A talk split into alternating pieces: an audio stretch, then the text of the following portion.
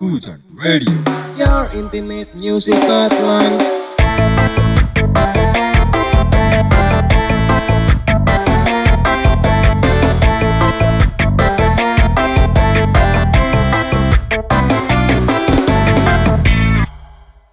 Harapan lu bikin event kayak gitu tadi apa sih? biar yang baru tahu yang pendahulunya biar yang pendahulu kenal sama yang baru ya biar saling mengenal aja sih. Biar sama eh, biar kasih apa ngasih info lah. Yang dulu sama sekarang tuh eh yang dulu tuh gimana bisa diter- biar biasa diterapin sama generasi sekarang gitu. Sama Oki sama Imaewo juga kali itu kan di Matahari tuh sempat gede juga di situ. Ada paspor ya Incent beberapa band juga di situ. Ya sering juga kita sharing. Kalau dulu juga kan kita mengenal kayak eh, CD itu udah udah lazim banget susah sekali gitu. Dulu tuh beli juga kaset kalau kita ke- lagi ke Bandung kalau nggak buat tretan sama Jakarta udah yang kedenger cuman drum dong dutak dutak sama gitar jangan jenjet udah kita kulik aja tuh. Dapatnya gimana jadi gitu itu kalau sekarang kan kita media udah enak bukan enak lagi udah lebih canggih lah ibaratnya lu mau mau style musik apa lu senang apa lu ini dapat kalau kita dulu wewe kayak gimana kan tip itu kita rekam kiri kanan dapat udah tinggal bass udah ding ah udahlah lagi goreng ubi ya? Wah bukan main, udah jajet-jajet itu gitu.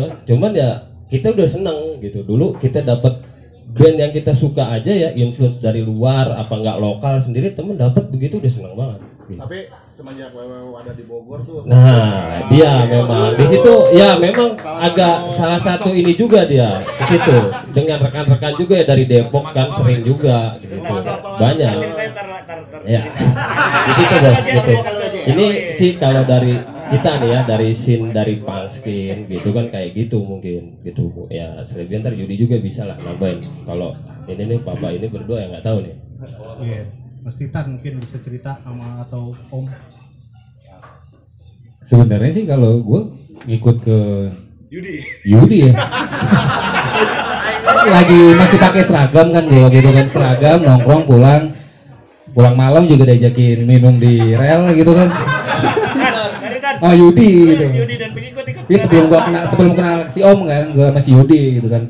Jangan balik dulu. Ini ada topik miring segala macam ini sini dulu. Ya enggak? Tapi perasaan gua kenal lu, lu doyan tempe doang gitu. Faktor umur udah lupa itu. Terus ya di kalau di Matahari itu ada yang band-bandnya saat itu yang paling yang aktif Weirdos, Not for Child, yang pang-pangnya awalnya Zitro, Skinny Doll, Skinny Doll mah agak-agak baru ya hitungannya kan. Pup Ditol, Pup Ditol bareng sama Yari Pol, Pup Pup Ditol bareng. Paspor, si Sidik Jari, terus Tren Kasar juga, ya Tren Kasar mah ke mana-mana sih sebenarnya. Dia dari dari Pringis tapi suka main juga ke situ kan. Eh Pringis, Perintis. Terus iklan lu iklan oh ya. yes.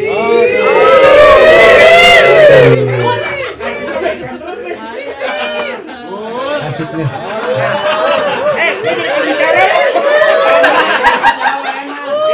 Gue jadi pembicara ya. Jangan liar, jangan liar.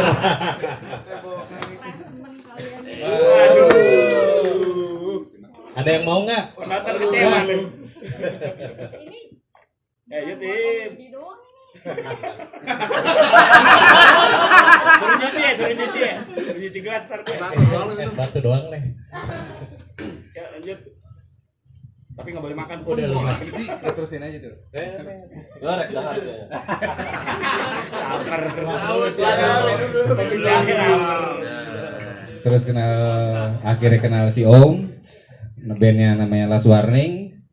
So, eh, apa lagi ya? Oh ya, Last Warning kan dia membawakan straight edge ya. Dari situ tuh gua kenal. Dan berhenti dari ajakan ajakan Yudi gue bisa nolak tuh saat itu. Karena gua ikut nongkrong sih ikut nongkrong. Ikut patungan tapi minumnya enggak gitu kan. Terus yang pertama kayak gitu tapi tapi nggak minum juga kan masih seribu kan ya dulu ya Masih seribu. Iya, patungannya patungannya Masih seribu. Yudi doang yang gope. pancingan itu pancingan. Pancingan, ya. Jadi itu ada triknya. terus lanjutin masih om Kalau gua Minum dulu, ah, minum ngasihnya pas lagi ngunya. Kalau gua sih mulai info sebetulnya 98 ya kayaknya. Bareng juga sih. Jadi kayaknya setuju nggak sih kalau di sini kayaknya sih kebangkitan underground Bogor mau punk mau hardcore mungkin kecuali metal ya itu kayaknya emang 98-an ya Ramainya. ah, ramainya 98 gitu nah cuman kalau gua lebih lebih nggak nggak stay di satu tempat sih. Jadi ya di matahari ya di matahari ya di di di Ujung Garongnya juga ya di Jambunya ya di Jogja ah, Jogja baru ya di cuman kalau di Jogja Jogja lama jarang sih. Tarik kepala kayak. Iya.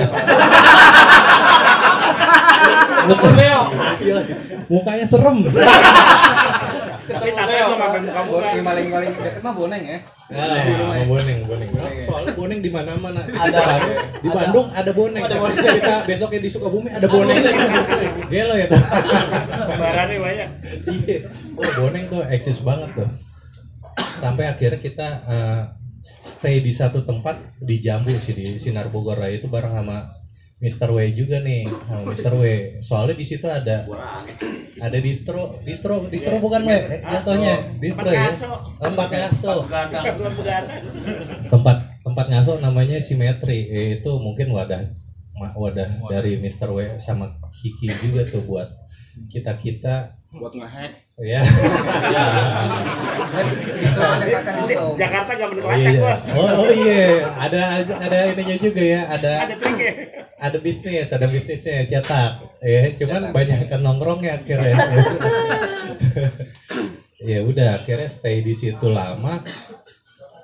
Eh, ya mulainya sih lebih lebih lebih aktifnya bener kata ini nih teman-teman nih emang gua rasa sih Mr. W emang ngebawa banyak ini ya apa istilahnya ya, influence jadi Ah, makan dulu dah. Ntar gue disuruh suruh ngomong pasti. Iya ujungnya tenang aja. Oke, gue makan dulu. Gua wakilin dulu nih. Enggak ya. Eh buat penonton ya. Tapi ya, iya benar benar. Ini W W Mr. W sama rombongannya nih itu ngebawa perubahan juga sih ke Bogor kalau menurut gua karena ngebuka ngebuka pemikiran orangnya nih. Salut ya buat Mr. W ya. Ya, bayangin loh, orang luar, orang luar stay di Bogor dan dia support banget scene scene Bogor nih. Dia jadi ya Iya, ngedokumentasiin, nge- ngebangun. Ah iya, dapat nggak tuh? Belum dapet jodoh. Winona dead ya Iya gitu Itu sih. satu band ya. Iya. Satu band, siluman.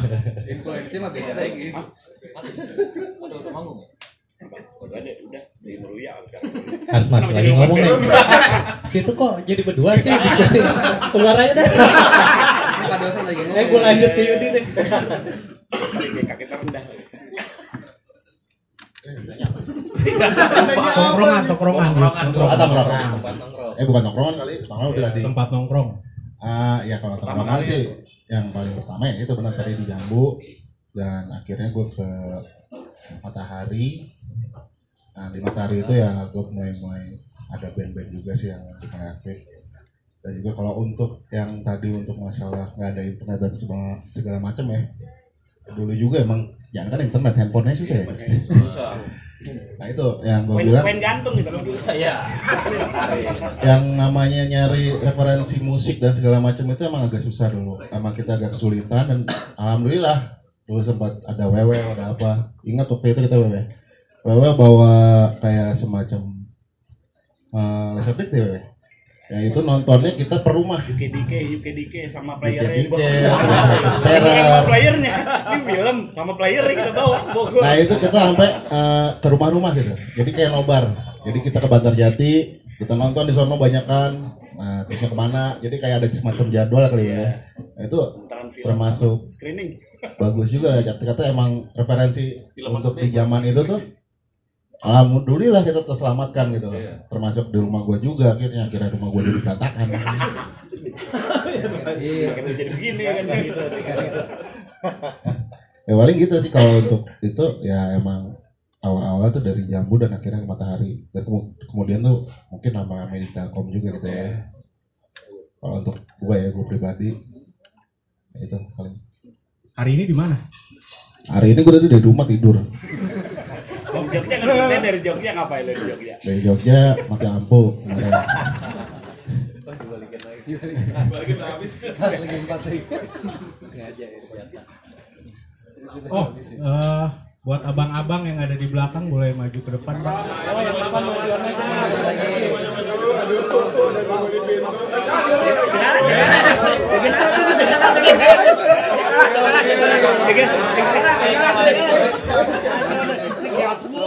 nggak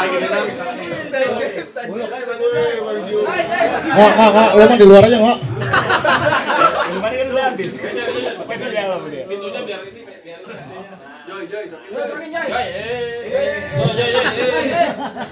Si Joy, si Joy nih. paling ini gue pengen coba juru wewe ngomong juga ya karena dia sebagai referensi Ntar, referensi. eh, Wewe jadi tamu rahasia ntar. oh Dia dua jam sendiri nanti. Habis kita bubar, dia Wewe ngomong sendiri. Gua gua cool tweet eh cool tweet. Iya. Eh, pertanyaan berikutnya sebenarnya eh gue pengen spesifik. Jadi kalau ngomongin skena ada bicara soal distro ya atau distribution store. Gue pengen nanya khusus sama Wonda dan Titan soal kita tahu dulu Wonda punya closet, terus juga punya apparel namanya Close and Dead. Eh, itu bisa iya bisa diceritain nggak dari tahun kapan sampai kapan eh, ngerjain double head dan Close and Dead? Iya, kalau gue pribadi sih kalau di si Lost Ended ya sebenarnya ini kan gue memang punya project bertiga. Satu gua, satu di Jakarta sama Olan, satu lagi sama anak Bandung, Babeh namanya. Gue kan udah tahu juga band Babeh. Nah itu bertiga nih gue punya project itu. Cuman apa nih yang harus kita hasilin di sini gitu kan? Kalau kalau gue kan condongnya kalau semacam terlalu banyak produk itu pusing. Mikirin artikel mikirin desain gitu kan? Gue usul kenapa gue pengennya band? Nah yang berdua oke dah gue setuju. Oke lu sebagai di Bandung lu gimana referensi band lu siapa? Gitu kan? Ini ini ini ini ini, banyak. Sama. Oke gue bilang nah gue di Bogor ini Jakarta ini. Gitu. setuju? Nah jalan. Itu gua mulai di tahun 93 92 gua udah mulai tuh bootleg tuh ya. Nyetak luar tuh. Nyetak nyetak band luar ya kan? Pakai katalog gua dagang gitu kan? Ya di situ di blok M di mana kita nitip nitip juga kan? Itu udah mulai ke situ cuman kalau selebihnya kalau ke pihak retribusi ya ini kan distribusi ini gue memang lebih stay ke memang DIY itu kebanyakan anak-anak sendiri gitu. Yang memang jarang ke toko. Karena kalau di toko kan kita mikir gini mereka ah lu produk lu nggak terkenal nih bro. Ya kan? Padahal brand yang kita cetak ini bukan ya ibarat udah agak lumayan ya dulu ya gitu. Ah ini nggak inilah nanti aja lah sekalipun dititip ditaruh sama dia. Nggak di display gitu. Oke lah gue bilang kalau begitu udah mending gue coba dagang aja deh gue sendiri deh gue bilang. Gue dagang sendiri distribusin ke anak-anak juga ke situ sih. Ya kalau band ya mungkin agak mungkin lu- lumayan ya gitu ya. Kalau Bandung ya udah oke, banyak juga Bogor juga lumayan. Cuman lebih condongnya memang kalau Los Angeles ini gue ke abi ke arah ke Popang ya disebutnya kan jadi dulu gue memang di Bandung ini gue stay itu nongkrong di Simpang Dago itu sama anak-anak si Close Head itu si Nanu kalau nggak salah ya punya pacarnya. Dia ngebuka mie ayam tuh di situ. Nah jadi gue tuh memang udah stay di situ. Di situ gue ngebuka link kita ngebuka link. Oke deh gue bilang "Eh, beberapa band Bandung coba kita ini ya. Di situ si si close head si apa ya kayak terakhir tuh sempat juga roket kan minta dicetak juga dulu. Kalau kita di Jakarta pun mereka free free aja ya Pak. Ya di mana sih? Yang tempat ini sini. Ya di di Jakarta tuh dia main juga pertama kali referensi dari kita kita dari dari pihak-pihak kita ya dari si Los Endet ini gua bisa main dong roket di sini nih gitu kan. Ya lu free monggo lu main gitu. Walaupun lu udah keluar ini silakan. Di sini gua memang berjalan semua Bandung pun free. Ya dari disconnected si Sendal Jepit Anda semua ya pokoknya free lah semuanya semuanya. Di situ kita rilis mulai. Cuman kita distribusinya yaitu paling hand by hand. Kalau royalti kan kita bicaranya ya kesepakatan dari mereka aja ya gitu. Kalau kita patok kalau kita juga berapa dana kita gitu kan. Begini ya lu setuju nggak? Oke setuju oke kita jalan itu sih distribusi yang nggak terlalu inilah. Pokoknya kalau band-band itu Jakarta ya sedikit lah gitu kan. Yang penting di jalurnya aja situ sih. Gimana mas? Soal distribution store hari ini? Seberapa relevan dia masih ada? Hari ini atau cerita ke dulu back dulu atau gimana? Ya boleh dimulai dari awal terus Oh. lo melihat perkembangannya hari ini kayak gimana? gua tuh awalnya tuh emang doyan merchandise kan terus apa tahun sekitar 2001 kuliah gitu tuh eh, nyoba nyablon nyablon sendiri nih itu gua belajar sama si Aib sama Juni itu Papsrik kita belajar ke orang Bekasi waktu itu. Kan tahun-tahun 2001 kan udah MRC udah mulai itu kan udah mulai nge-booming kan. Kenal dari kenal dari MRC apa channel hardcore. Dalnet. oh ya Dalnet channel hardcore gitu kenal orang Bekasi bisa nyablon. Anak-anak Bekasi Timur bisa nyablon. Terus ya udah kita coba belajar. Karena saat itu bingung kita nggak nggak ada nggak ada guru nih saat pas kita 2001 udah mulai itu si Om mungkin lagi sibuk apa ya? Dia sebenarnya udah udah nyablon juga cuma kita nggak nggak bisa masih Om jadi kita nyoba ke orang Bekasi nyablon nyablon nyablon, belajar nyablon sema- sehari semalam pulang. Kita aplikasikan dengan cara nyablon waktu itu sempat nyablon pertama kaos NFC ya. NFC apa desain apa KFC terus ya kaos band sendiri revolt bagi-bagiin jual-jualin kayak gitu-gitu terus pada akhirnya terus terus ya pada akhirnya eh, tahun gue sempat lalu eh, sempat sekitar kuliah di Depok eh, apa sorry eh, ngekos di Depok gue bikin toko di sana eh, sama studio tato waktu itu toko kecil-kecilan sama Giant Eh, seneng banget Ucapan masih ya kalau ngomongin na- namanya. Sama studio tato tuh waktu itu bareng Kelly.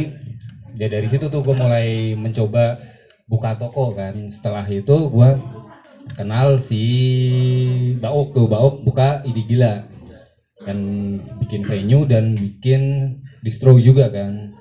Gua juga barang-barang yang gua ada di situ ah cobalah gue sebar gue titipin juga ke sana. Gua titipin ke ide gila dan pada akhirnya hilang. Barang juga ikut hilang kan semuanya.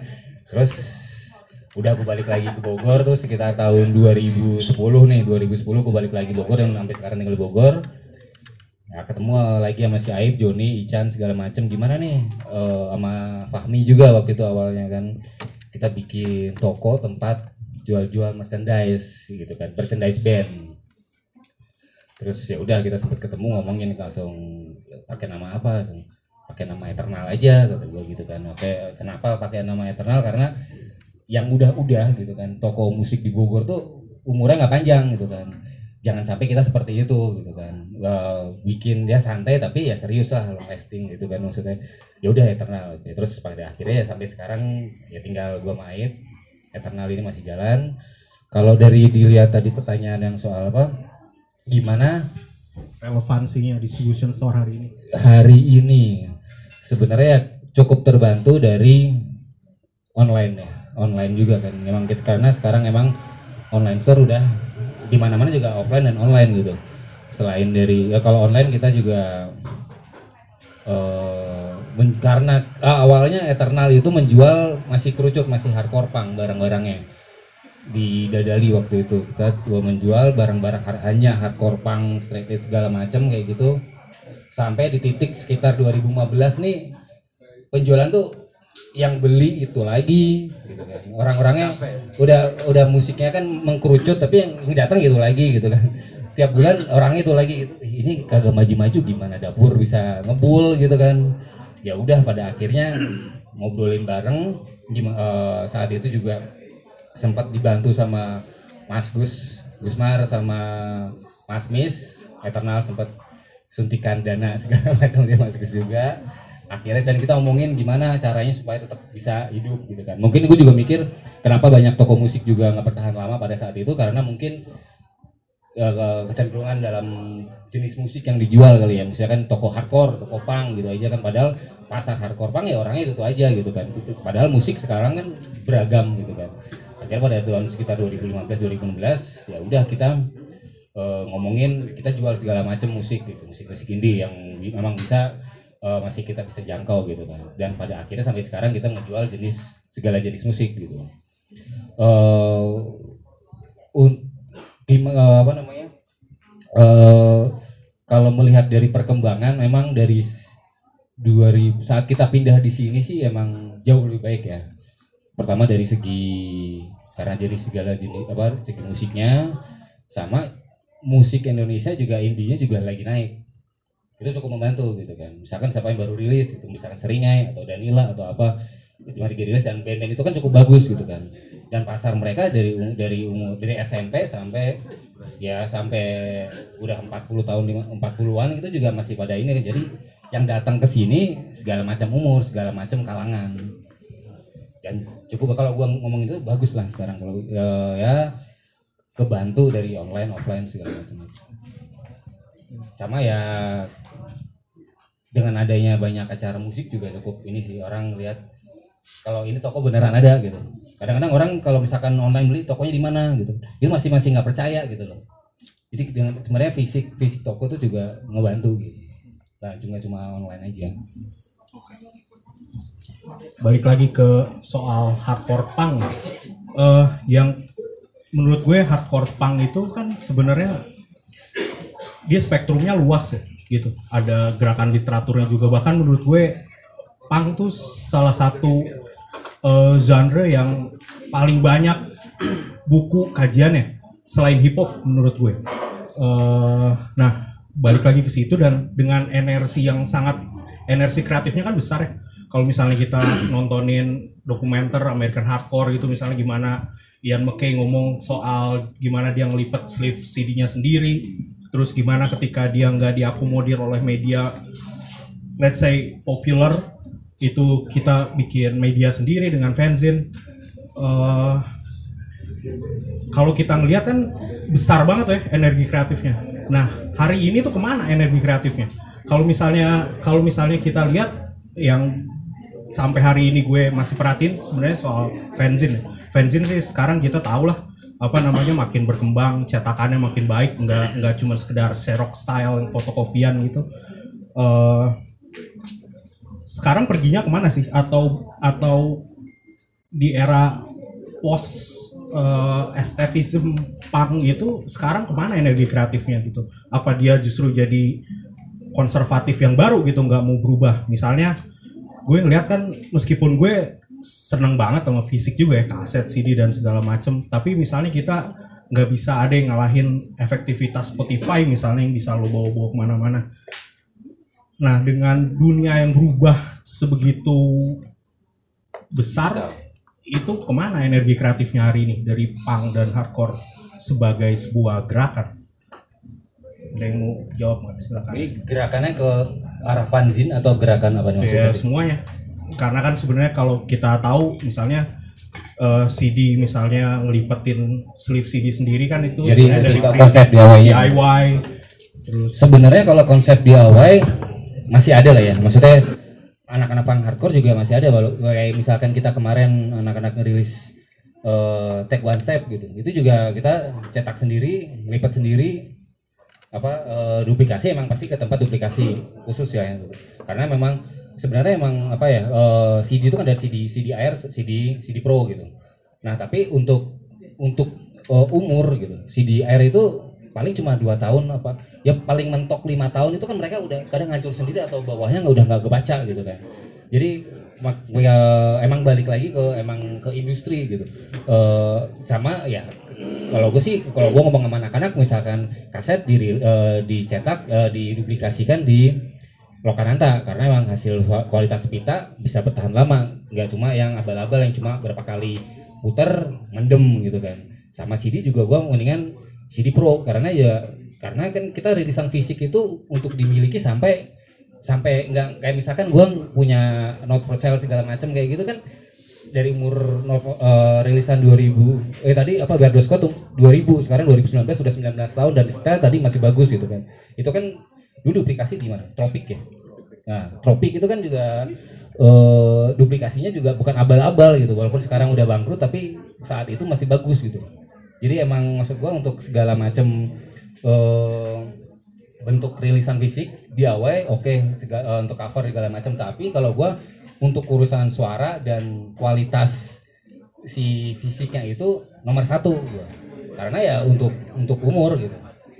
Terus kalau soal fanzine mungkin masih banyak ya dengan adanya kayak Bandung Zine Fest itu kan untuk untuk mengumpulkan orang-orang yang lebih antusias orang-orang untuk balik ke arah itu lagi kan.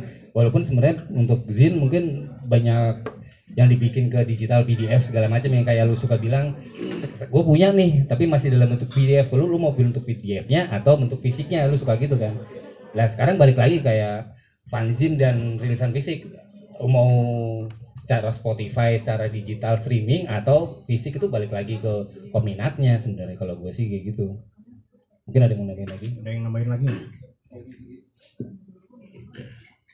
Kalau tadi lihat pertanyaannya sih kalau menurut kayaknya kalau gue simpulin lebih jadi maksudnya eh, etos DIY-nya ya, etos DIY-nya ya. Tapi kalau gue pikir dari dulu sampai sekarang sih sebetulnya kalau masalah DIY karena kita udah terbiasa sih ya, biasa DIY, biasa apa-apa kerjain sendiri. Gue rasa mau umur kita dulu 20-an sampai sekarang mungkin hampir 40 atau lebih, kayaknya etosnya tetap kita pegang deh gitu. Itu gua gua rasa spiritnya underground tuh itu gitu. Cuman kalau tadi balik lagi ke pertanyaan maksud lo relevan nggak sih uh, idealis lo yang sekarang yang dulu tuh dengan yang, yang sekarang apa nggak makan zaman? Ya itu pasti gitu. Karena zaman pasti berubah gitu. Kita harus menyesuaikan. Kalau menurut gue sih menyesuaikan keadaan kita aja udah berubah gitu. Ya tadinya nggak punya keluarga jadi udah punya keluarga aja itu udah something yang beda ya enggak ya enggak ujungnya ujungnya cuan coy. Ujungnya cuan. Tapi kalau masalah idealisme i- itu ini sempat ada sempat ada diskusi juga nih sempat di sini kita pernah ngobrol juga nih sama Titan segala macam. Masalah idealisme seberapa seberapa sih idealisme lo gitu? Nah gua rasa gue sepakat sih dari obrolan terakhir tuh idealisme yang dulu sampai sekarang pasti berubah. Kalau masalah DIY enggak gua rasa. Masalah DIY kita pasti tetap pegang etos DIY tapi kalau lo ngobrolin masalah uh, apa tadi idealisme yang berkaitan dengan value terutama masalah perut ya itu udah pasti berubah gitu Uh, terus apa lagi tadi ya pertanyaannya? Soal benzin mungkin. Oh soal benzin, soal benzin kalau menurut gua eh, itu kalau gua bikin benzin dari kayaknya dari semenjak bus tuh udah dari tahun 98 kayaknya sih eh, gua rasa udah nggak relevan. Kenapa? Karena pertama gue males mikir Bisa. udah mikirnya cuan mikirnya cuan udah gitu gue rasa soalnya gini ngapain ngapain lu sampai berumur tua tuh lu masih bergelut di fan- fanzine sementara sebetulnya banyak generasi muda yang bisa lu bina untuk bikin yang lebih bagus gitu dan terbukti ternyata bagus loh banyak yang bagus-bagus bikin mereka gitu lebih bagus dari kita dulu yang bikinnya ya katro-katro di di apa ya dikritik sana sini lah gitu nih gua rasa sih eh, Kritiknya dalam banget ya. Lu dikritik apa sih Enggak Pam? juga sih, enggak juga sih. Itu sebetulnya bagus sih karena ya itu yang dari kita nggak tahu justru jadi tahu gitu. Kalau buat gue ngebangun, nah eh, sebetulnya semangat fanzine tuh harusnya sih emang yang kita dulu laku, lakukan ketika kita udah nggak ngelakukan lagi kita tularkan ke yang lain gitu. Harusnya sih seperti itu dan akhirnya bergenerasi gitu. Menurut gua sebetulnya itu itu sih yang ideal. Karena eh, kayaknya sih yang dulu bikin fanzine pun udah banyak yang regenerasi atau mungkin gini ada ada juga satu satu tokoh fanzine Jakarta pun akhirnya gue udah nggak mau bahas-bahas ginian gue tetap bikin zen tapi gue udah nggak mau berkutat ke masalah-masalah yang kayak gitu udah basi menurut dia meskipun buat orang-orang yang sekarang itu tuh menarik gitu. Ya kita udah udah beda inilah gitu. Sampai dulu pun ya, dulu gue dibantu sama Riani Jangkaro. Dia yang bikin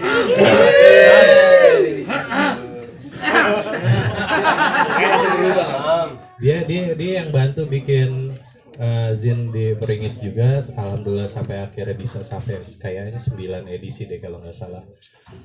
Eh, ya ter- ternyata di yang pen- yang suka menulis pun akhirnya jenuh dengan bahan-bahan yang akhirnya berputar di situ-situ aja gitu.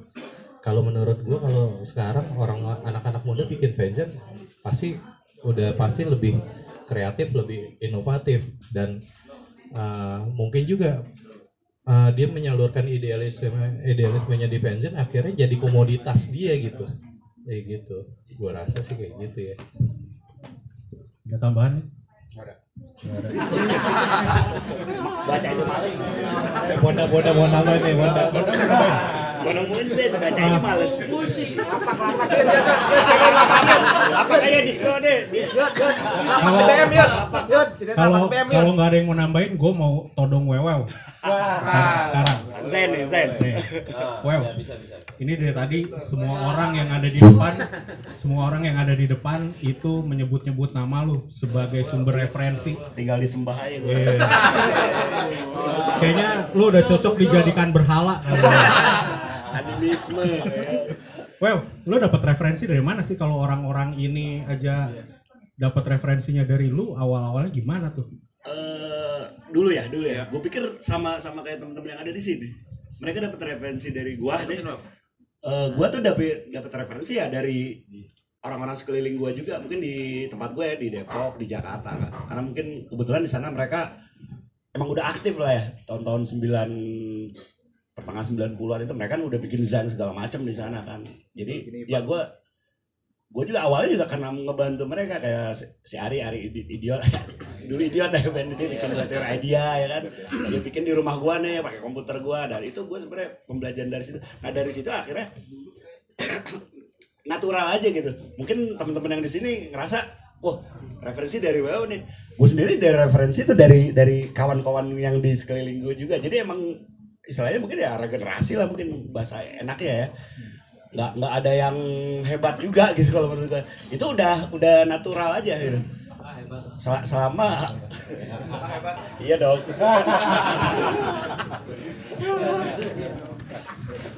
Lu bukan ngetengin Yudi lu ya kalau punya HP pertama kali Bogor lu doang. ya ngomong HP kan waktu itu kan gua emang kebetulan sebetulnya waktu masalah internet HP lah seperti anak-anak dulu. Karena tahun-tahun 96 itu kan gua udah kerja di perusahaan IT kebetulan. Sombong. Nah, jadi jadi ada yang lebih sombong lagi. Satu-satunya punya HP gua doang.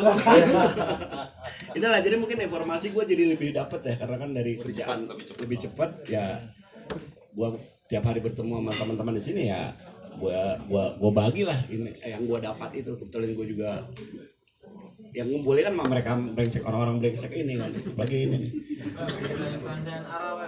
Oh, yang faedah itu. itu tadi udah bahas ya kayak kalau masalah fansign sendiri sih itu awalnya dari itu dari ya gue dari anak-anak sana kan dari temen kawan gue yang di Depok Jakarta mereka udah bikin lah dan gue ngebantu mereka kan dari materi dan otomatis itu yang jadi yang apa ya motivasi itu sih natural gitu nggak nggak kayak nggak dipaksa gue bikin bikin aja entah tulisan entah gue mungkinnya gue bikin sempat bikin beberapa zen di Depok atau di Bogor cuman sampai sekarang nggak gue lupa zennya apa karena karena saat Hah? Oh, ada ya? Itu juga saat itu kan karena apa? Ya natural aja gitu. Gue mau bikin ya gue ngeliat karena di sekeliling gue itu mereka ngebuatnya gitu dan itu yang memicu gue buat buat bikin zen ini. dan ah, dari zen zen itu sendiri ya akhirnya kan mungkin berkembang lagi. Gue bikin sama kawan-kawan di Bogor ya sama Eja, sama apa itu gue bikin apa perusahaan jalanan. Itu sebenarnya ide gue bikin perjal itu bukan karena buat mencerdaskan kehidupan bangsa enggak. Karena gue suka baca. Terus gue ya zen itu gue awalnya bikin perjal itu kan mungkin si Eja mungkin bisa atau si Apit gue awalnya emang perjal itu gue cuma buat zen zen ya zen zen ngumpulin zen zen dari zen skena bang sama atau zen zen kita yang pernah bikin gitu. Cuman akhirnya berkembang berkembang ya bikin ya buat umum lah akhirnya itu. Ya arah ininya sih ke situ sih. Maksudnya di luar di luar dari yang mau Zain ini itu gue buat gue pribadi itu gue bikin sesuatu ya dari skena dari teman-teman akhirnya gue bikin sesuatu yang mungkin orang lihat oh, buat apa? Mencerdaskan kehidupan. Ya itu kan sebenarnya efeknya efeknya gitu. Dan itu gue nggak berharap kayak gitu. Jadi kalau tadi juga kembali ke permasalahan eh, referensi ya sebenarnya sama seperti teman-teman dapat referensi dari gua gua juga dapat referensi dari teman-teman gua. Jadi cuman berbagi aja sih. Kan emang itu kan yang yang harus kita lakuin di skena kan? Berbagi apalagi kan? Kita pengatuan. Lu wise banget sih. Ang- anggornya lagi dah itu sebenarnya nggak nggak ada yang luar biasa. Jadi emang gue pikir itu udah itu juga udah ditanamkan di tempat gua ya tempat gua awal bermain lah gue di Jakarta di Blok M gitu di Depok juga di proklamasi mereka tuh begitu gitu. Pas ke sini gua berbagi gitu ya nggak nggak ada yang ini juga karena gue udah melakukan ya seperti orang-orang sebelum gua lakukan gitu yang gue pikir gitu. Bikin desain bikin apa itu gua anggap sebagai tradisi subculture gua gitu, lingkungan gua gitu. Dan sekarang juga sampai sekarang gua tahun ya belum tahun kemarin sih ya sebetulnya bukan tahunnya. Masih bikin zen anak-anak di Depok tuh masih bikin zen. Malah bikin sebelum dulu ada pang ilegal mungkin pada tahu ya. Itu tuh cepet cepet baik. Itu kan buah karya dari teman-teman juga gitu yang dulu juga emang masih emang apa bikin-bikin zen gitu. Kalau tadi permasalahan relevan atau enggak gue pikir orang-orang kayak gua atau teman-teman gua mungkin udah nggak mikirin relevansi karena udah anggap sebagai ini bagian dari skena kita loh. Andai kan lu baca atau enggak ya kita udah orang karena udah bagian dari kita. Tapi alhamdulillah ya apa setiap itu keluar alhamdulillah banyak loh. Maksudnya mungkin dari kita ini di Facebook yang message bang anak dari yang nah yang paling banyak tuh malah dari luar daerah dari luar apa Jabodetabek, Jabodetabek lah. Anak-anak Jawa anak-anak Medan itu malah mereka yang lebih interest mungkin ya kalau yang pengalaman gue belum lama ini bikin. Jadi masalah relevan atau enggak seperti tadi Titan bilang ya tergantung ininya. Dari kita mungkin nggak nggak nganggep ya ini memang bagian dari kita gitu. Dan antusias yang anak-anak sekarang yang gua uh, lihat ya sama kayak dulu aja. Cuman mungkin bedanya mungkin kalau yang di sini mungkin di kita lah di kita udah terbiasa gampang lah. Mungkin kalau di daerah mereka lebih susah ngedapetin fisik-fisik kayak gitu. Lebih susah. Mungkin juga yang punya punya distro di sini juga. Mungkin banyak juga kayak apa yang dari daerah-daerah malah mungkin yang ini minta kaset atau apa. Karena di kita di Jabodetabek atau Pulau Jawa ini mungkin lebih gampang lah mereka bisa datang itu sih sebetulnya itu aja. Kembali ya itu masalah referensi. Gue pikir sama aja sih. Yang referensi yang gue mungkin dia anak-anak dapat dari gue gue juga dapat dari orang-orang sebelum gue karena itu bagian dari gue pikir bagian dari skena gue kita yang kerjain aja gitu. Selama ma- kita masih bisa gitu Itu aja. Nanti efeknya gimana gimana ya? Seperti gue bilang gue suka fansign gue suka baca gue bikin kerja itu kan efek selanjutnya itu. Itu nggak ada sebenarnya nggak ada hubungan beda tapi kan itu kan ya gue bisa ngejalanin itu karena ya gue pernah ada pengalaman bikin desain dan karena gue suka baca juga kayak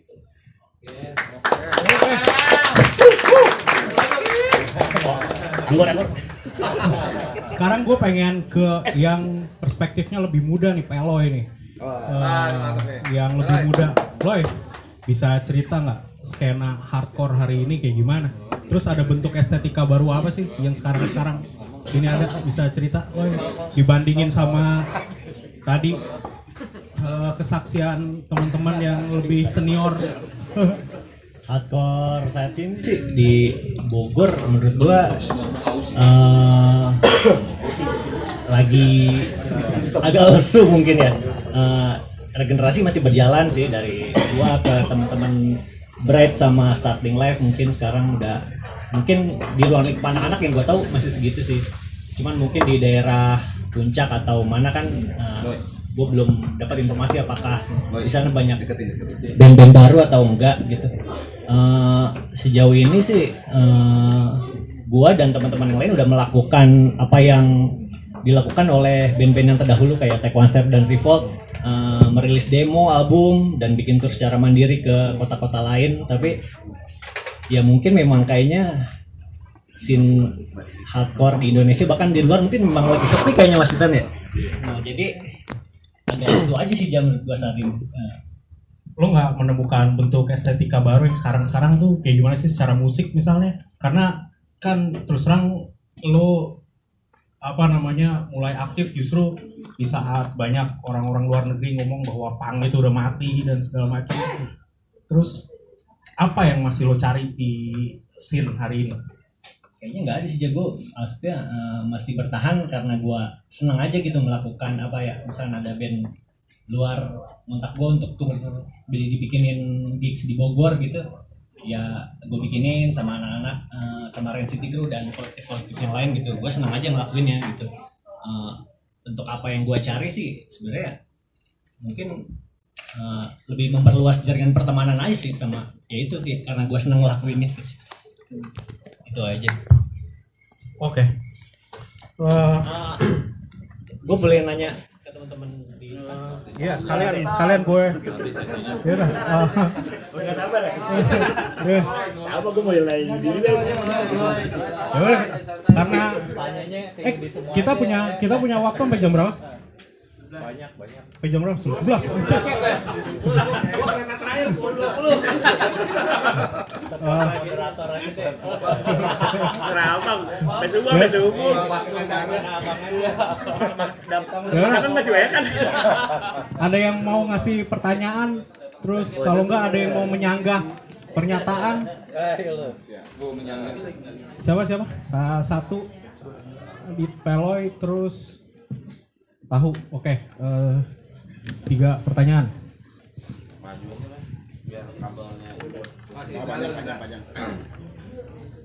Halo, eh, Yudi, Om Lusdi, Titan, eh, Ponda. Gue penasaran nih gimana eh, dari perspektif kalian mengenai scene gigs di era itu gitu. Eh, 90-an, eh, 2000-an yang kita tahu dari tadi eh, era kejayaan Bogor dibilang di 98 dan semua mengamini itu. Terus kita tahu di 2000-an sempat ada era metal, era melodik, era emo dan sebagainya. Sampai sampai hari ini di 2000-an 10 ke atas juga eh, lebih berkembang lagi. Dan sempat mungkin ada surut-surutnya yang kita tahu di era Gor. Nggak bisa kan itu sampai akhirnya akustik tiga tahun gig akustik gitu yang gua rasa di era itu mungkin boleh diceritakan overview overview lah dari eh, masing-masing narasumber ini di mewakili di era 90-an, 2000-an sampai 2010-an. Terima kasih. Peloy. Kumpulin aja tiga duanya. lupa lagi.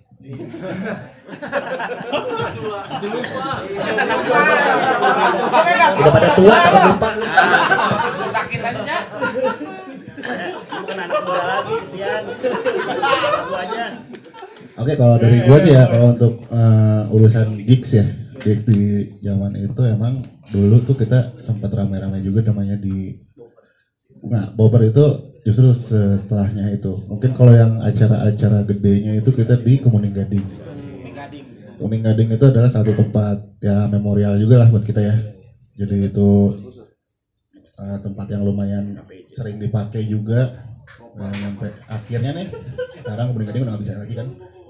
Karena dari pemerintah sendiri katanya itu fungsinya hanya untuk apa ya untuk acara pemerintahan untuk yang selanjutnya boper kali ya nah, Ini dia, ini ini. Takut salah dia takut salah.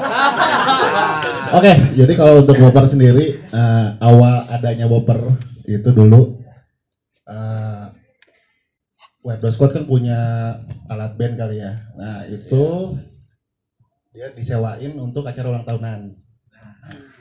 Tapi ternyata acara ulang tahun itu nggak jadi. Dan akhirnya kami muter-muter dan akhirnya subuh-subuh ya. Itu waktu itu subuh-subuh capek di Boper ngeliat sambil ngeliatin tralis Boper itu. Tahun berapa ya? Itu sekitar tahun 2000. Enggak, 90-an. Kita nyari listrik ya hese. bro. Enggak, enggak, enggak. enggak. Kan kan listrik 3. ini. Itu sekitar 99 sampai 2000. Nah, itu antara itu gue lupa lah. Jadi kita ngeliat tralis itu dan almarhum Aib ya dulu ya. Nyeletuk turunin alat ya. Turunin alat dan kita nyolong listrik juga di situ. Dan akhirnya kami tujuan waktu itu ingat. Tujuan bikin acara di situ sampai pagi. Itu adalah awal eh, bumper terbuat. Dan untuk selanjut selanjutnya ya kita eh kita nih ada tempat nih, kita ada tempat nih. Kita mainin, kita mainin. banyak orang dari luar dari Depok akhirnya dan sampai akhirnya ke sini sini juga ya itu Bogor itu emang termasuk ya kalau menurut gua sendiri itu tempat legend juga. Kita bikin acara di situ mungkin awal dari kami. Dan akhirnya juga kan Titan juga sempat buat Titan ya. Iya.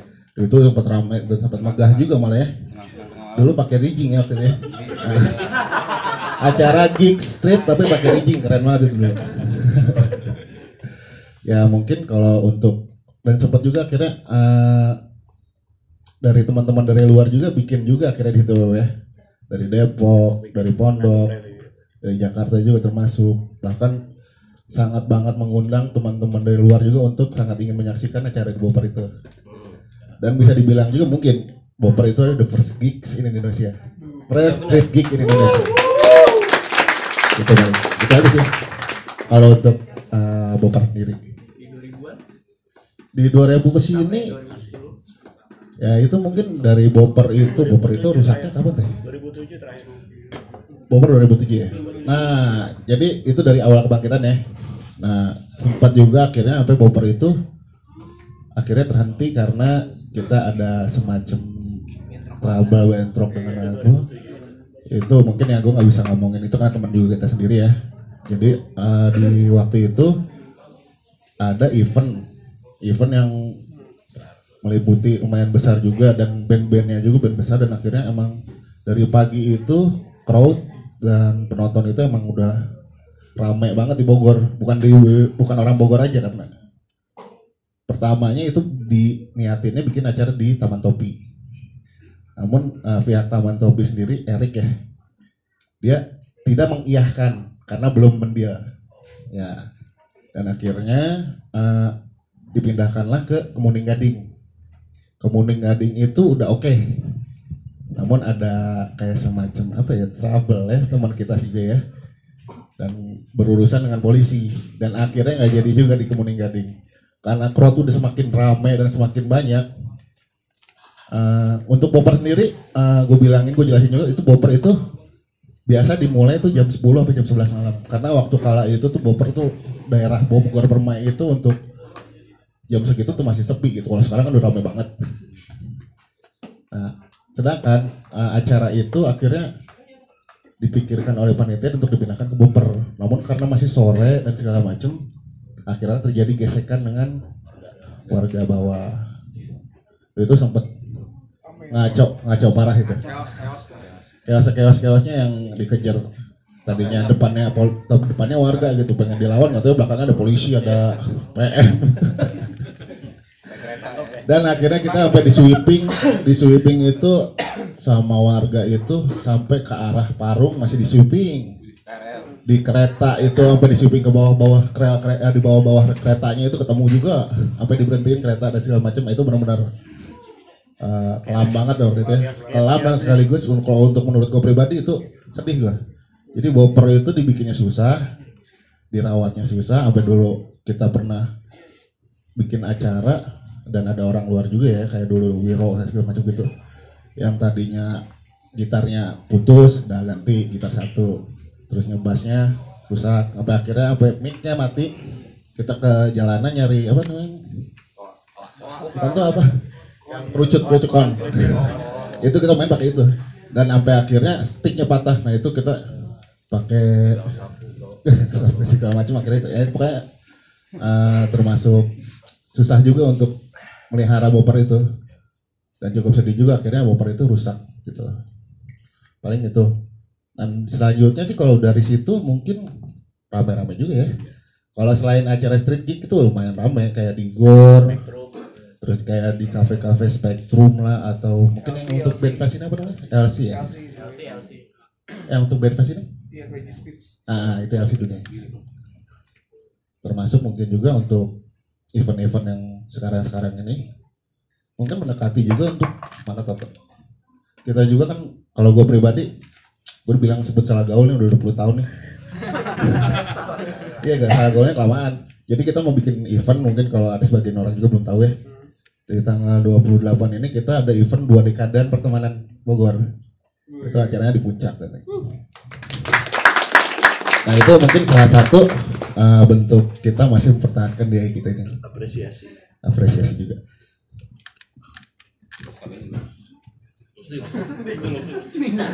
gigs gigs Ceker gigs pot, gigs gigs gigs gigs apa?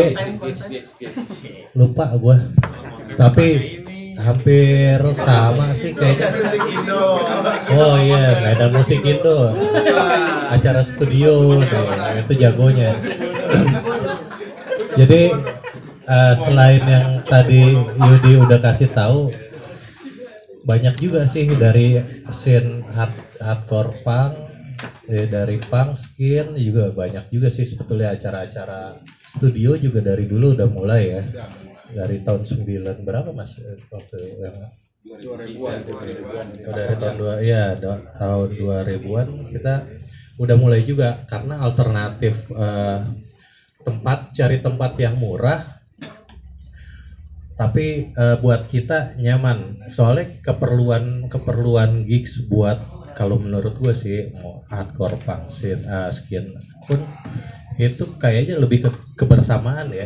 Jadi kita nggak perlu masak yang kita nggak kenal tapi bikin rusuh mendingan kita main satu keluarga tapi happy semua gitu. Nah itu salah satu alternatifnya acara studio tuh gitu.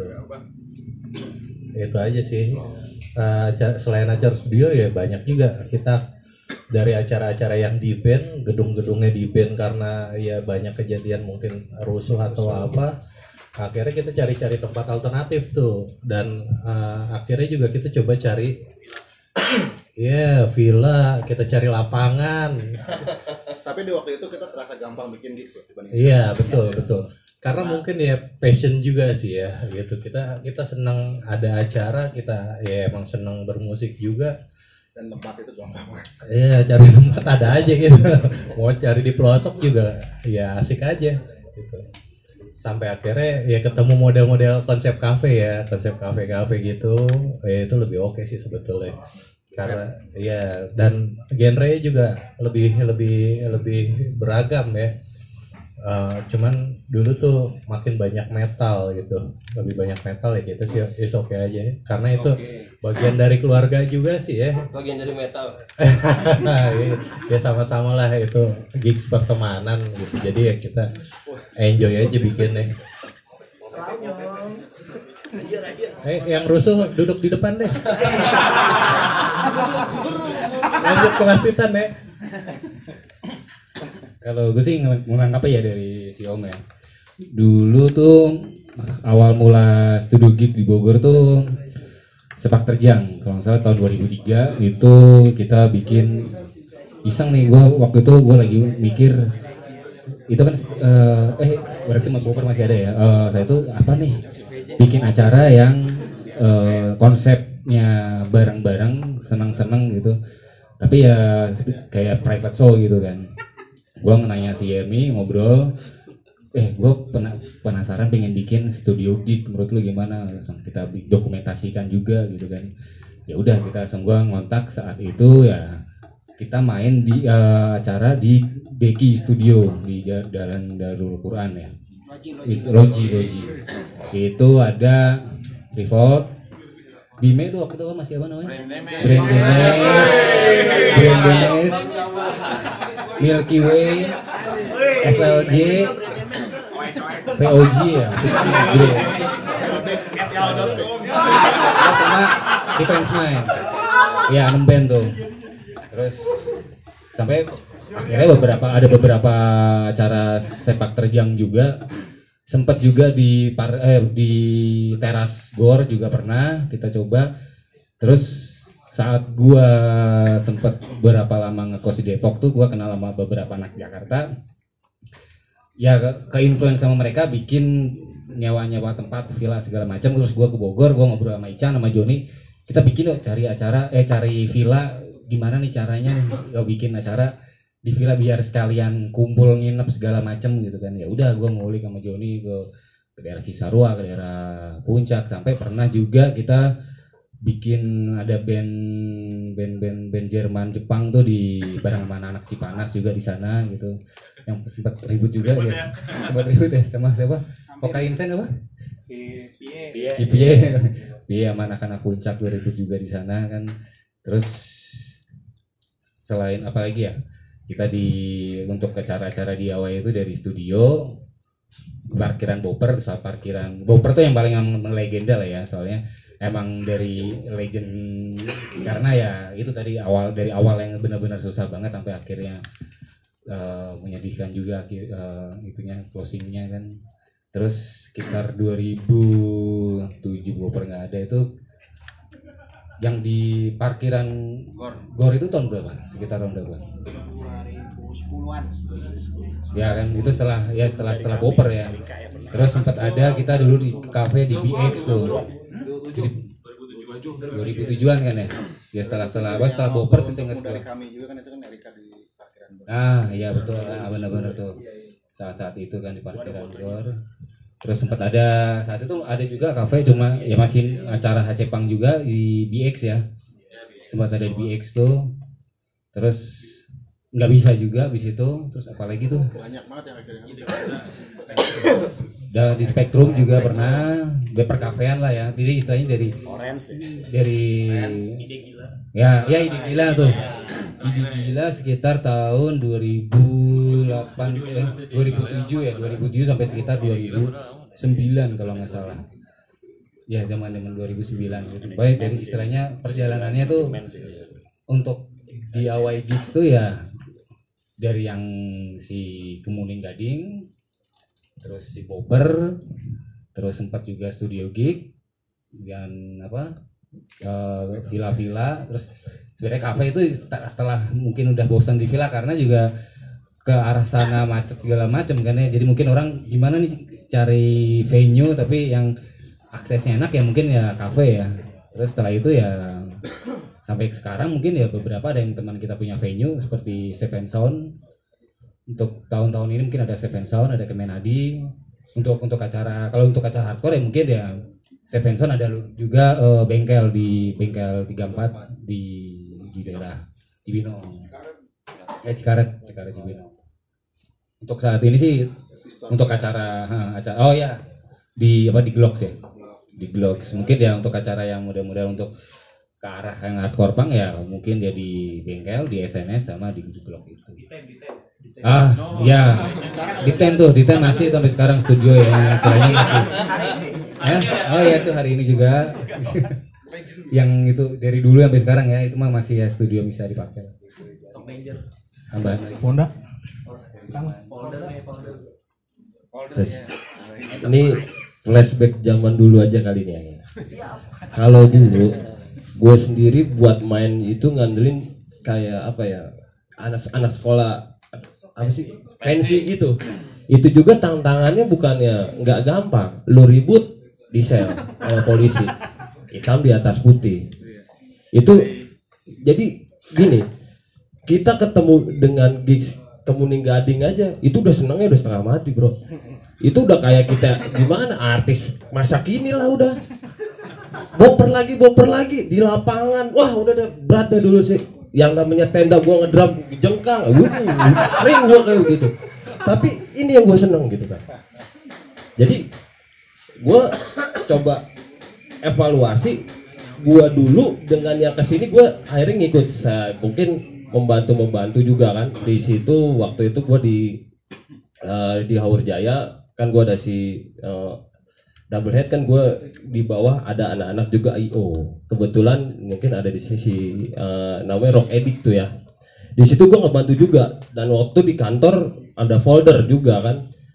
Nah gue mencoba tuh di situ nih kira-kira ngebikin gigs kita harus berkelas seperti apa nih buat di kelas di Bogor? Gitu kan. Apa sih yang kita bisa dapat di market di Bogor dulu sebenarnya? Ya memang lah keuangan nomor satu semuanya juga kan ngebuat gigs itu harus pakai uang gitu kan nah di sini cuman kita cari gitu yang maunya anak-anak Bogor nih seperti apa sih gitu. kita coba oh ya maunya mereka kayak gini gitu. oh berarti inilah yang kita harus kasih dulu Kayak gini tuh kayak gimana?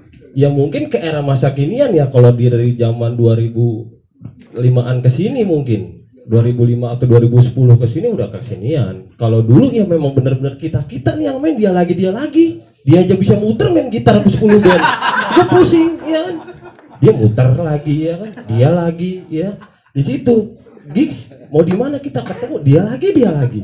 Gue ya udah nggak asing lah sama mereka. Mereka mungkin di sini juga rekan-rekan udah nggak asing kita.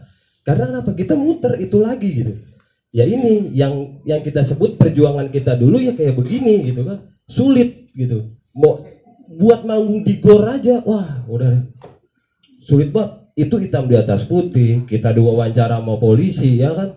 Gue bilang ini gue kayak pengen menghancurin panggung apa mau ngapain lu gue diajak di sini gitu kan gue disuruh main tapi dengan begini gitu gue pernah uh, mungkin sokalik the Glen the Glen ya TB TB TB dulu pernah dia ngundang kan SMA 2 eh TB SMA 2 ya dulu ya? Iya kan? Ya dia tuh ngundang cuman waduh tata tertibnya tuh udah kayak wah gue bilang kalau kayak gini bos mending gak usah main deh. Tapi dia mau gitu ngajak Sinpang ini supaya main di acaranya dia gitu kan. Ya gue coba gitu kan. Ini berapa lagu? Dua lagu lewat dua lagu cut turun turun. Ya kita ikutin gitu kan. Ya cuman enak di situ. Jadi oh berarti gua nih pang nih di Bogor masih diakuin ya sama lulu semua gitu. Yang lu ngebikin event seperti ini juga lu ngakuin gua berarti gitu. Kalau gua di mata-mata di IY kita rekan-rekan ya dari scene hardcore metal apa apa ya udah pastilah tapi di acara seperti ini loh gitu. Kan nggak gampang. Kita bisa main ini waduh nggak gampang banget bro. Ya mungkin kalau ke sini yang ada sistem apa sih kolektifnya berapa? 300 ribu lu langsung manggung gitu. Wah dulu sih berat sekali gitu kayak gitu sulit gitu. Ya di situlah ini sih flashbacknya ya. Kalau ke sini sih ya udah pasti enak-enak lah ya. Tinggal kita ngemasnya aja sebenarnya. Cuman kayaknya kalau bikin flashback ke dulu lagi enak lagi tuh. Kita bikin bareng-bareng kan. Dari beberapa scene kita bikin era ya. Sekarang sama dulu gitu. Wah itu kayaknya mantep juga. Sempet kita di WhatsApp Titan juga ada ya. Mau ada rencana tuh ke situ cuman akhirnya jadinya ngebikin kaos. Nggak ngebikin event jadinya. Ah udah. Di situ gitu. Itu udah udah mantep sebenarnya. Tapi applause lah. Gua sebagai orang istilahnya ya ada di Bogor itu buat boper gua applause banget. Itu boper sejabotabek sampai ke Bandung ke mana pun boper lo yang dikenal. Lu Bogor oh lu punya acara boper gini ya? Gigs. itu dia. Itu tuh pasti paling dikenal. Bener gua ke mana-mana pasti ditanya sama dia band mana sih yang gak mau main di situ? Semua pasti mau pada main. Rundown jam 11 lu main jam 4 uh, capek itu ngeluh pada subuh. Udah. senar tinggal dua bass tinggal dua. Efeknya di bawah udah dah. I- ini gitu. Yang kita seneng di sini gitu kan. Ya mungkin kalau bisa mah kita bikin kayak gini lagi kan juga enak gitu cuman ya memang balik lah Bogor birokrasinya sekarang mungkin agak berat gitu tapi nggak tahu lah siapa tahu ke depannya kan kita bisa murni dari sekian scene di Bogor itu lebih mantap sebenarnya itu mantap banget kayak gitu ya udah itu aja Reloy, kedua. Gak usah apa-apa. Ayo ya. Ya pakai. Oke, oke biar kedengeran. Masih berhubungan sama Iya.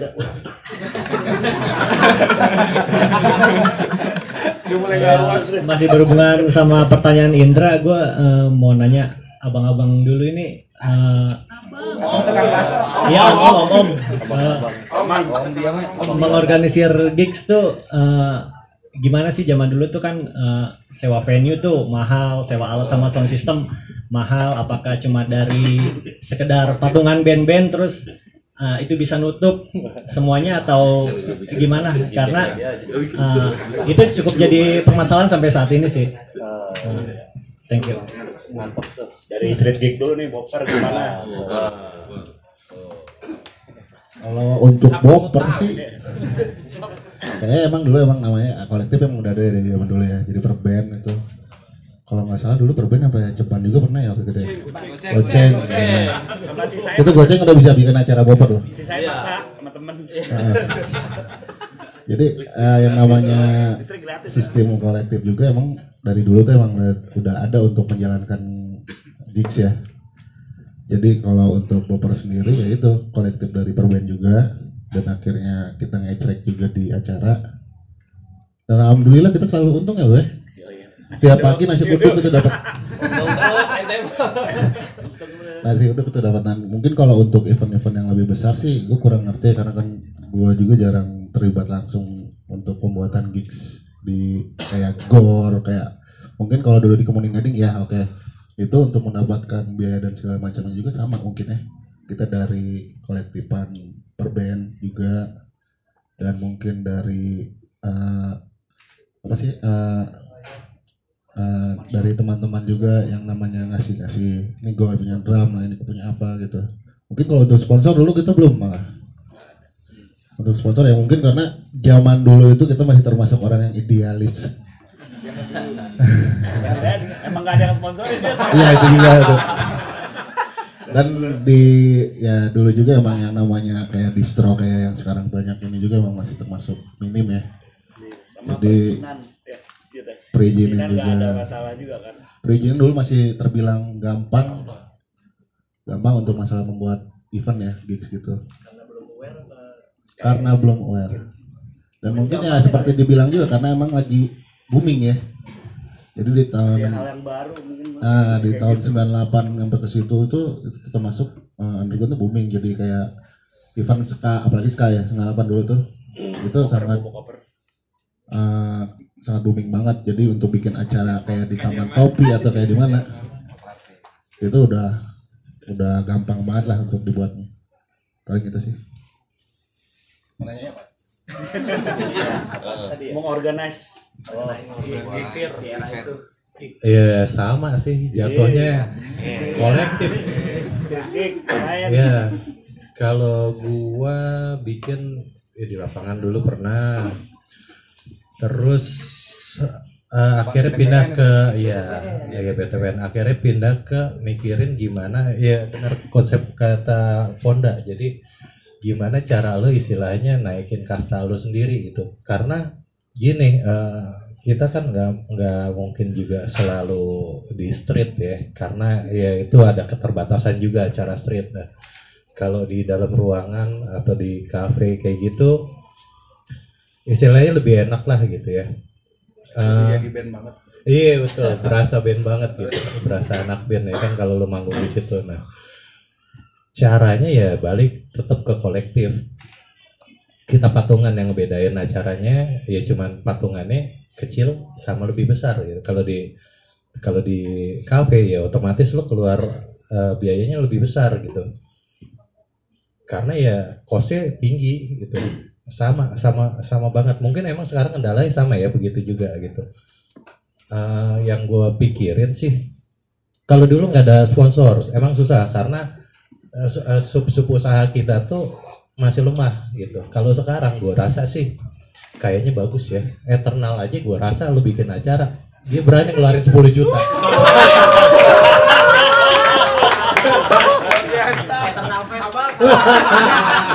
Sponsor kan. 20 juta. Tapi nggak nggak benar-benar. Kalau zaman dulu benar kata Yudi itu susah cari sponsor. Kalaupun ada ya mungkin kayak ini dia bikin karena usaha mungkin udah jalan waktu itu ya bikin double head face ya kalau nggak salah. Nah itu dibikin sendiri. Di, ya mungkin ada sponsor-sponsor kecil juga ya gitu. Cuman yang nggak terlalu signifikan lah gitu. Beda beda kalau menurut gue beda sama di zaman sekarang. Terus eh, atensi ke bandnya juga banyak juga sih kalau menurut gue yang udah besar gitu. Jadi Iya sekarang ini deh kita kita ambil contoh eh, Super Ayat ya Super Ayat. Misalkan mungkin ada yang nggak setuju itu pang atau enggak ya kita geser lah pendapat itu. Kita lihat eh, Super Ayat tuh dia bisa bisa jadi komoditas buat mungkin idealismenya atau mungkin emang dia menjual untuk industri ya itu terserah. Cuman yang yang jadi jadi yang jadi intinya adalah mereka bisa jadikan band dia tuh uh, sesuatu yang bisa ngundang gitu. Misalkan gini, lo punya band se- seperti Super Ayat, lo punya atensi dari dari masa lo banyak gitu. Sebetulnya ketika lo bikin acara dengan lo jadi jadi bintangnya di situ atau dengan teman-teman lo lo ajak juga di situ, itu lo lo bisa bisa ngorganize dari segi merchandise-nya, dari dari hal-hal lain. Dan sponsor pun gue rasa mau gitu. Jangan kan masalah super ayat di sini aja sebetulnya. Iya kawan-kawan yang udah punya usaha yang udah berjalan gua rasa sih nggak sebetulnya kayaknya nggak terlalu masalah deh. Daripada lu harus selalu kolektif bikin acara menurut gua ya yang mungkin menurut kita dulu itu oke sih gitu tapi kayaknya kalau zaman sekarang lebih enak ketika lo main ya lu dibayar gitu. Minimal nggak usah dibayar tapi lo tinggal main deh gitu. Lo nggak harus ngeluarin duit gitu. Menurut gue sih itu lebih enak. Dan kayaknya zaman sekarang mah nggak terlalu susah ya. Susah nggak sih? Karena kayaknya kalau cari tempat tempat banyak. Ya kawan-kawan juga di sini banyak yang udah punya tempat-tempat sendiri gitu. Jadi Step Enson bisa dari mana lagi di bengkel itu bisa. Cuman masalahnya kan jarak doang. Yang jadi kendala jarak. Cuman kalau untuk kendala masalah pendanaan gua rasa sih Sewa kayaknya ya. enggak sih. gua rasa sih kayaknya kalau zaman sekarang lebih enak dibanding zaman dulu. Kalau zaman dulu kita peri-peri banget. Udah mas sampai efek aja kita kadang-kadang pinjem yang lu deh. Udah gitu diembat orang lagi. Sedih banget itu sih. Kita rame-rame kita. ya kan? Zaman sekarang cari yang minim. Eh zaman dulu cari sound aja yang minim. Pakai yang modis ya enggak? Kalau dipakai dipegang nyetrum. Sekarang kita bisa milih gitu. Pengen pengen yang enak pension yang enak masalahnya tinggal dananya cukup nggak ya kan bisa diambil dari sponsor sponsor bisa dari cari yang lain merchandising atau apalah gitu sebelum acara kayak kita band-band ini tour aja kan itu kayaknya yang gue yang gue lihat ya kawan-kawan. Ada yang ke Malaysia lah atau ke Singapura atau ke daerah Jawa deh. Gue pembiayaannya banyak kan yang dari merchandising juga. Ya kenapa nggak diterapin ke gigs gitu? Gue rasa sih itu lebih oke. Ya enggak Enggak. Enggak ya? Tadi pertanyaannya eh, organize zaman dulu. Oke. Eh, kalau gua sih kan emang dari dulu tuh suka eh, small gig ya. Small gig, great friends gitu kan. Karena emang seperti tadi omongin sama si Om ya kalau nggak salah lebih suka acara kecil karena memang memang apa keluarganya lebih dapat gitu kan. Dulu eh, kita nge-organize tuh biasanya kalau gue dulu sebenarnya ikut eh, kayak semacam apa namanya dis- eh, bukan kolektif ya kayak oh one eh, disebutnya one voice one voice Asia gitu. Jadi gue ada semacam link sama teman-teman dari Singapura Malai Filipina dan segala macam di negara Asia gitu. Gue misalkan ada band dari mana tour mau tour ke Indonesia itu selalu ngontak gue dulu gitu kan. Dulu eh, contoh salah satu contohnya dulu ngorganize band Jepang sama Jerman tour. Dan di saat itu eh, itu tahun 2009 tahun 2009 itu cari venue yang istilahnya murah kan. Gua bingung nih sama anak-anak. Gimana cari venue yang murah yang istilahnya izin segala macamnya nggak ribet gitu. Akhirnya kita nemuin villa dan saat itu kita dapat villa kerjasama sama anak-anak Cipanas itu ngorganisasinya sebenarnya ya hampir sama seperti yang lain. Kita kontak band-band yang main.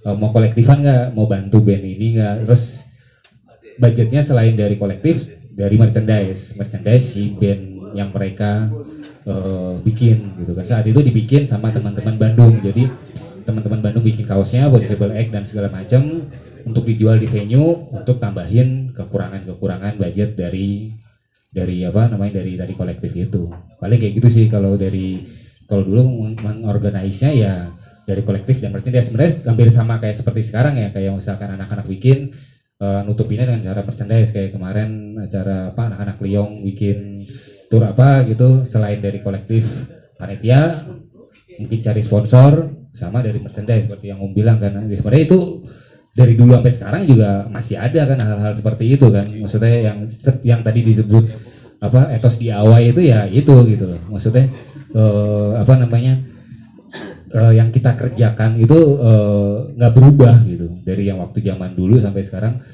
eh, kolektif ya. Karena emang ya mungkin sekarang kalau yang acara anak-anak untuk bandnya nggak kolektif ya. Lebih dari uang kas kita bikin semacam nggak kalau sekarang lebih eh, ada namanya kolektif di Bogor tuh Liong Latte kolektif. Itu ya campuran kumpulan dari anak-anak gitu. Kita bikin kalau misalkan ada bentur atau segala macam kita bikin uh, uang kas dari merchandise. Itu masuk ke uang kas dan kalau ada acara duit dari situ. Terus ada misalkan dapat sponsor ya kita masukin lagi juga. Dan misalkan keuntungan kita masukin ke uang kas ya berputar di di, di situ gitu. Ya lu sendiri bagian dari Liong Latte tau lah kalau kayak gitu. Kan gitu. Sama Iya. Terus satu lagi tadi Terus satu lagi tahu ya. Ini pertanyaan terakhir atau gimana? Moderator cangkel soalnya. Saya pertanyaan bebas deh, ngobrol bebas ya. Iya, sisanya sisanya bebas lah ya. Ini tahu pertanyaan pamungkas tuh.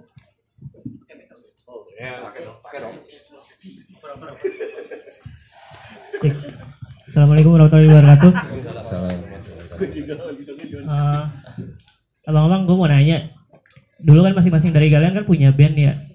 Eh, dulu tuh ketika kalian ngeband itu proses ngumpulin materinya, recordingnya, terus sampai akhirnya lo bisa ngerilis materi dari band lo itu kayak gimana sih dulu tuh? Eh, recordingnya dulu tuh kayak gimana? Terus setelah recording itu lo ngerilis itu lo kerja sama sama label atau memang self release? Terus dulu tuh uh, peran label tuh seperti apa sih di di seputaran scene hardcore punk zaman dulu. Terus um, apa ya? Uh, setelah itu mungkin proses pendistribusian dari karyanya itu seperti apa? Karena dulu kan zaman pra internet mungkin nggak nggak seperti sekarang yang bisa lo masarin apa-apa di marketplace atau di media sosial gitu kan. Kalau dulu seperti apa sih uh, proses lo memasarkan uh, materi lu barang-barang yang lu jual misalkan merchandise atau rilisan musik kalian gitu jejaringnya seperti apa? Terus eh dulu tuh sebenarnya di subkultur hardcore punk ini ada irisan nggak sih sama subkultur lain yang eh, atensinya itu ke arah politis misalkan? Dulu tuh seperti apa irisannya?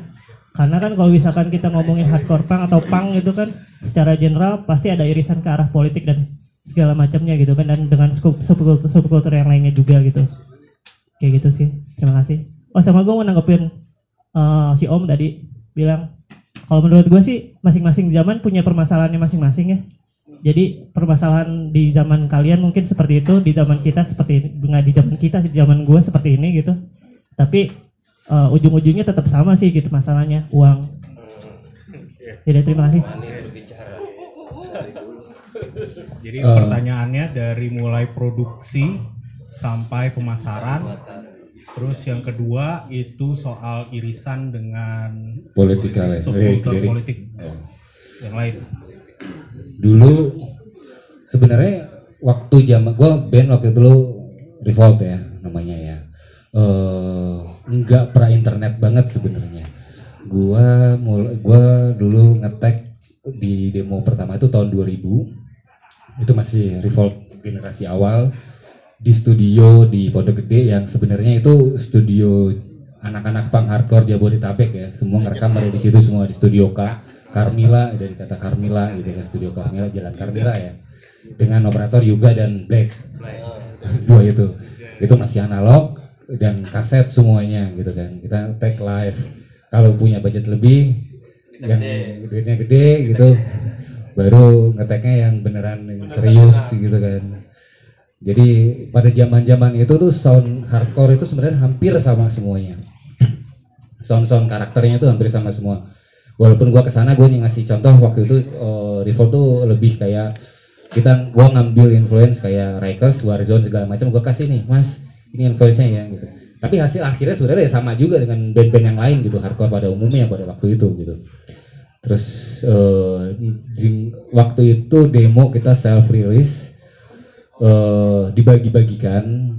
Terus uh, nyetak juga masih fotokopi juga serok gitu. Terus pada tahun sekitar 2001 nongkrong di simetri bareng Mr. W dan uh, Kiki waktu itu.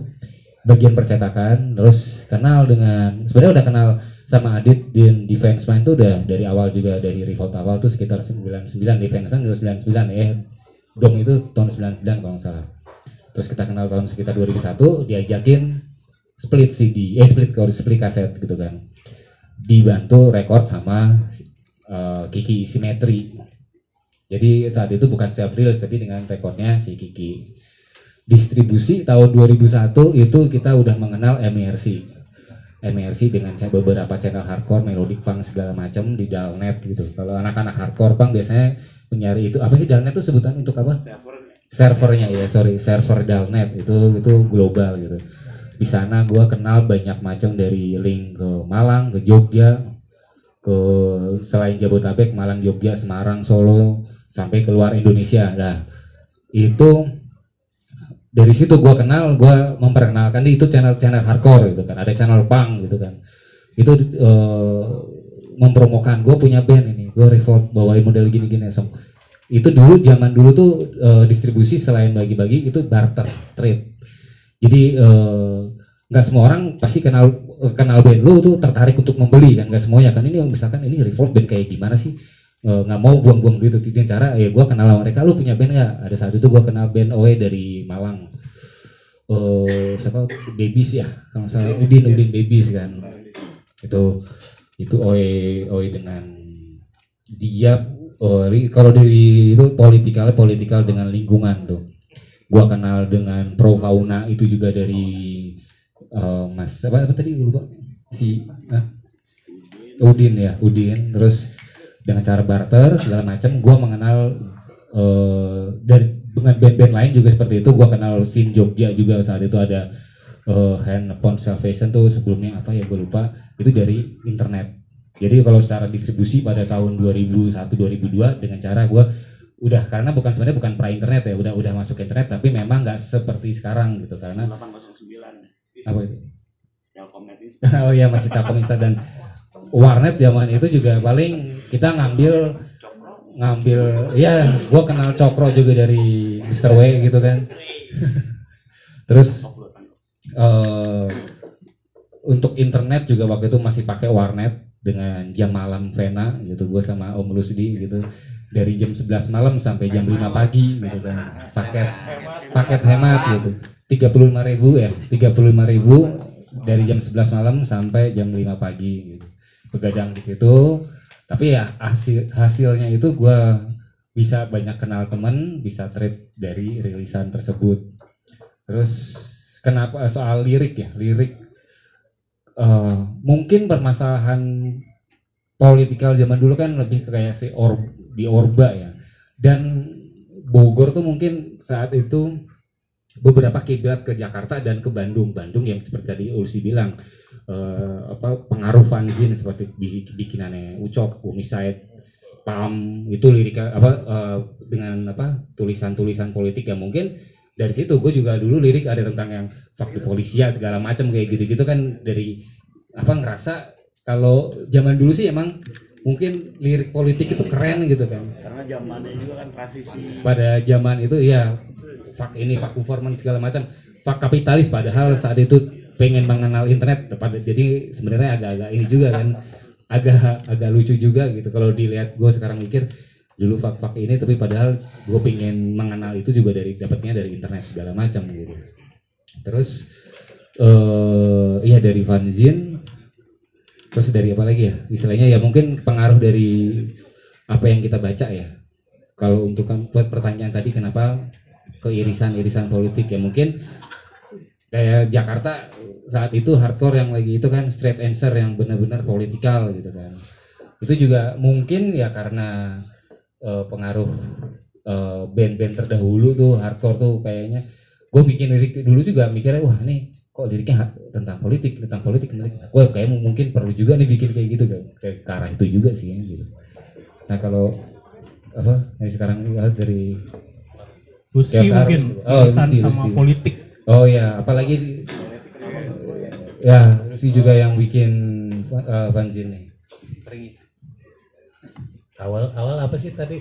Masalah rilisan. nih kalau rilisan sih nggak jauh kayak Titan nih. Soalnya satu band. Soalnya satu band. Yang ngeteknya sama. Tapi dulu gue pernah ngerilis juga kloset. Nah kalau model kloset dia dia ngetek. Gue jadi cuman eh, modalin untuk album sama distribusi.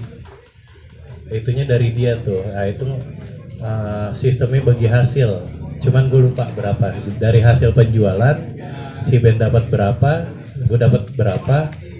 Sistem distribusinya karena emang agak susah di internet jadi pertemanan aja sih. Nah eh, lebih banyak juga sih kita andelin peran bandnya sih peran bandnya. Jadi satu di kloset misal ada lima orang tambah manajer nih bos Joy jadi enam ya dibagi aja. Misalkan ngerilis 100 kaset dibagi 6 tuh. Eh 100 apa 200 ya lupa.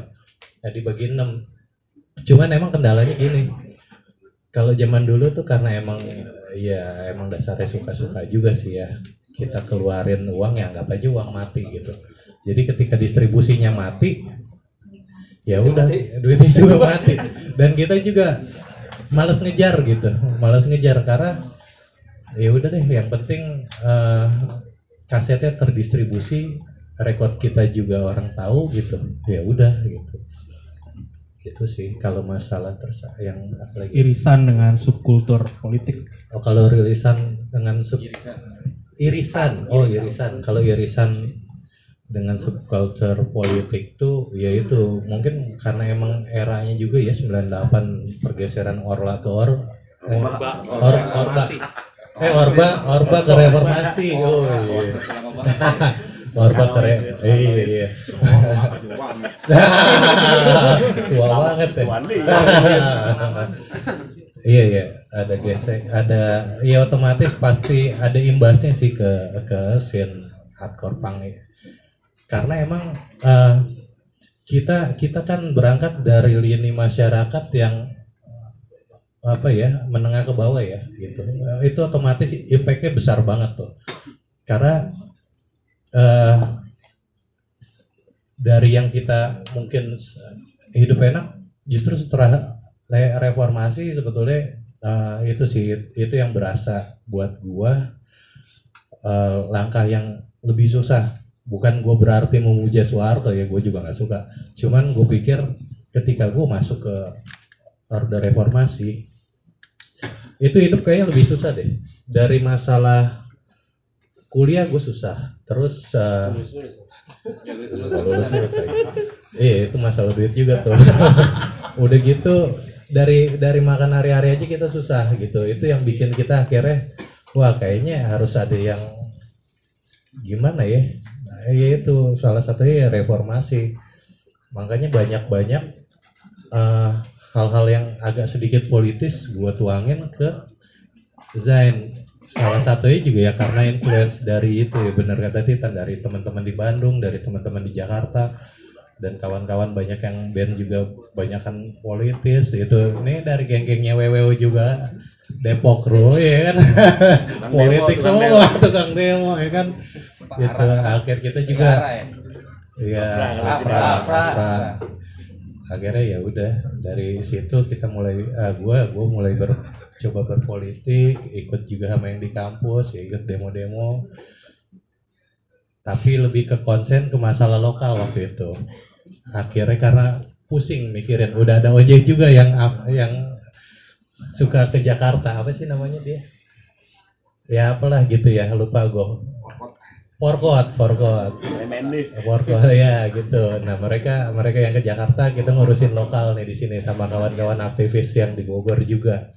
Dari situ ya akhirnya kita semakin mikir, oh kayaknya oke nih kalau masalah politik kita tuangin ke ke Zain kita nih gitu.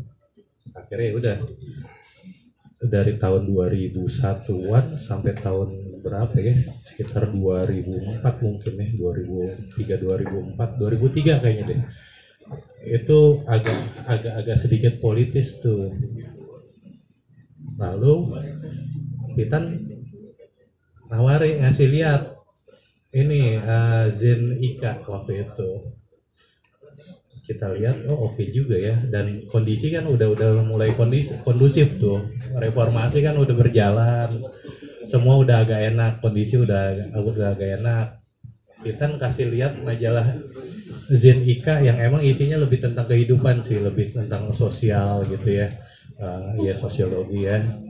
Akhirnya gue pikir oh kayaknya emang politik udah udah nggak terlalu ini juga nih. Orang udah juga mulai tinggalkan gitu. Mungkin meskipun masih banyak sih zen-zen yang bahas tentang politik cuman kayaknya menurut gua udah cukup deh gitu.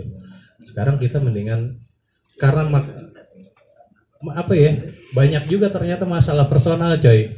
Nggak cuman politik. Lo ngomongin politik di atas ternyata antara kita aja bentrok ya enggak gitu.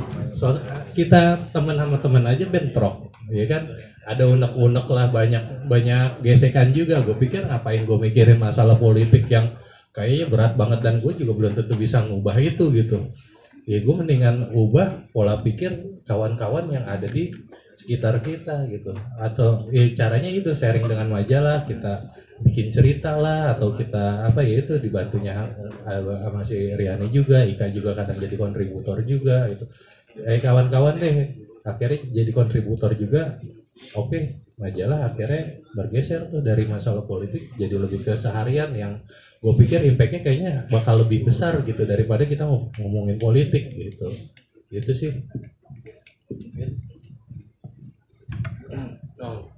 Nah, nah.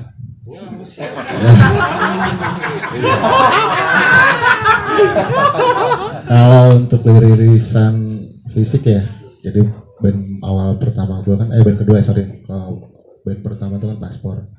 Dan akhirnya gue punya band juga, Wear the Squad itu dulu tahun 98 mulai dirinya.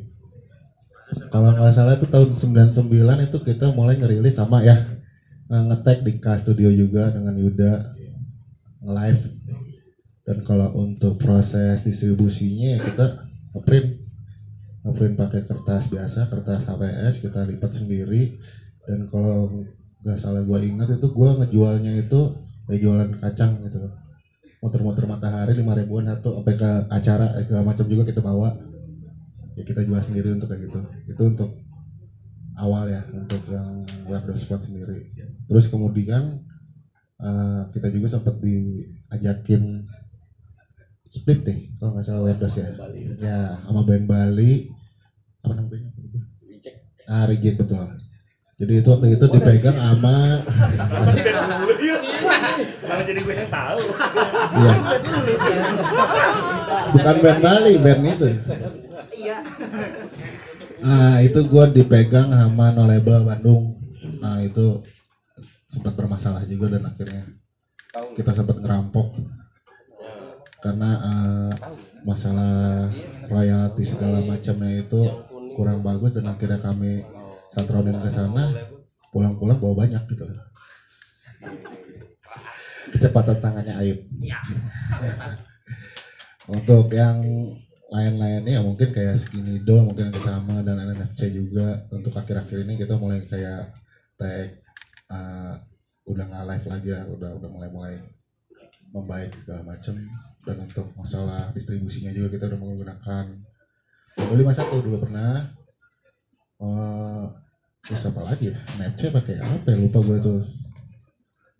Ya pokoknya itulah kalau untuk masalah rilisan ya kalau untuk masalah pendistribusian ya mungkin secara garis besarnya kita masih sendiri gitu. Loh jalan. Jalan. Jalan dari ke mana kayak mungkin ke Semarang segala macam mungkin kalau gue pribadi gue nggak terlalu sekeren yang lain yang udah mengerti dengan dunia internet yang berkenalnya lewat internet kalau kalau gue pribadi gue sendiri gitu loh. Jadi kayak jalan ke Semarang atau jalan ke Jogja atau jalan Bandung segala macam itu kita bawa. Paling gitu. Kalau untuk irisan politik ya kayaknya nggak nyambung gitu loh. Nggak ngurusin ya? Nggak ngurusin. Mungkin ada satu eh, lagu dulu itu karena mungkin itu juga karena eh, eh, satu personil gue namanya Egi dia pernah ditembak kepalanya waktu demo itu kan Juliwan nanti nantinan ya. Ya. Tanggal eh, bulan Juli 99 nah itu mungkin satu satunya eh, lirik politik yang dibuat sama Werdo Squad mungkin itu ya. Untuk yang lainnya gua sampai mungkin nggak terlalu mikirin masalah hal politik. Mungkin lebih ke sosial kali ya. Karena sampai gua juga dulu pernah dicap street punk gaul. Karena betul itu sampai dulu dicari nama anak beruya sampai dicari nama anak beruya dulu acara di gudang. Eh gudang ya? Ya gudang. Eh bengkel bengkel bekas sorry bengkel. bekas apa nah itu gua eh, di Bogor tuh ada street punk gaul anjing. Namanya street punk gaul. Karena apa? Dulu street punk yang satu-satunya pakai mobil. Iya, Mbak. 1765 UK. Nah, itu. nah, itu satu-satunya pakai mobil. Nah, tapi kan ya, kalau ke sini sini sekarang ya mobil memang diperlukan gitu kan. Kalau dulu ya itu untuk masalah hal politik jadi nggak terlalu kena buat kami bahkan yang waktu dulu di Matahari itu kan ada invasi. Kami menyebutnya invasi ya. Invasi anak-anak Depok. Betul, itu invasi. Invasi anak-anak Depok itu yang benar-benar ya mungkin bawa kayak semacam kultur juga ya mungkin kayak bawa semacam hal politik juga yang dibawa doyan demo lah ya itu yang kayak anak-anak Afra anak apa itu tuh pada tiap malam selalu berdiskusi di depan matahari. Ya brainwash dan untuk kami sendiri untuk yang ya bisa dibilang apa tuh kali ya? Untungnya nggak cuci gitu. Di belakang aja minum Tommy soalnya lu nggak dipaksa. Dipaksa pakai minuman ya kan? Paksa minuman ikut lu deh Iya, jadi mungkin itu. Mungkin kalau ada, yuk sini yuk ada minuman nih, ya udah ke depan gitu kan minum gitu. Udah beres minumannya belakang lagi. Mungkin ya itu doang sih. Jadi emang kalau untuk irisan-irisan politik gue pribadi untuk band gue itu gak terlalu ikut andil dalam hal-hal gitu mungkin ke sosial. Oke. Lu bisa tambahin nggak kalau masalah yang tadi ya politik praktis ya mungkin maksudnya ya emang yang gue alami sendiri kan ini mungkin kultur apa lingkungan sekian sennya ya mungkin ya kalau di Bogor sendiri ya gue kan dulu di gue kan seperti Yudi bilang dulu di Depok kita emang udah terlibat aktif aksi langsung ya maksudnya mau gak lama. Tapi kan emang di sana kita emang mungkin kebanyakan waktu itu emang mahasiswa ya kan. Terus emang kondisi kondisi saat itu tuh 90 2000 kan emang apa emang em, maaf. Ya emang apa eh, kita banyak terlibat gitu. Dari saya sendiri emang banyak bukan kita aja. Mungkin dari anak-anak Bandung juga banyak ya kan anak harder lah. Yang politik praktis langsung tapi tapi tapi ya saat itu aja gitu. Nah pas gua ke kita di Bogor sebetulnya bukan ke brainwash emang kebetulan kita lagi nongkrong terus kita mau aksi pada ngumpul ya kita kan rapat di situ tapi kita nggak pernah ngajak gitu. Makanya emang nggak diajak kita kalau diajak yuk nih anggu eh, tapi miring demo yuk demo dia pasti. Tapi emang secara umum ngomong politik praktis di Depok sama sekali emang nggak ada. Maksud gue emang emang bukan politik praktis itu di sini nggak di nggak nggak ada gitu mungkin ada secara pribadi kayak mungkin mereka kuliah di Jakarta ya kan? Agenda kuliahnya mungkin tapi secara masukin desain mungkin nggak ada karena yang gua, yang gua alamin ya karena gua ikut. Terus emang eh, kita ikut juga karena emang itu kondisi dan itu cuma berapa tahun kok.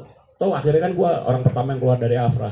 Setelah marginal ya gitu gitulah karena gimana ya maksudnya itu itu sih kondisi kondisional sih pada saat itu kata ngomong politik praktis ya dulu emang saatnya kan 99 2000 kan emang itu tadi kita bilang ceritanya peralihan dari apa reformasi kita jadi kayak oh terus ada ke, ke apa sih ke inian kayak Lusti bilang anjir sekarang jadi tambah susah. Jadi itu itu sih mungkin bukan desain aja mungkin dari secara perorangan kita ngerasa wah gua nggak nyaman nih terus ada yang ngajakin aksi ya kita bikin bang mungkin kebetulan di tongkrongan kita sejalan ya.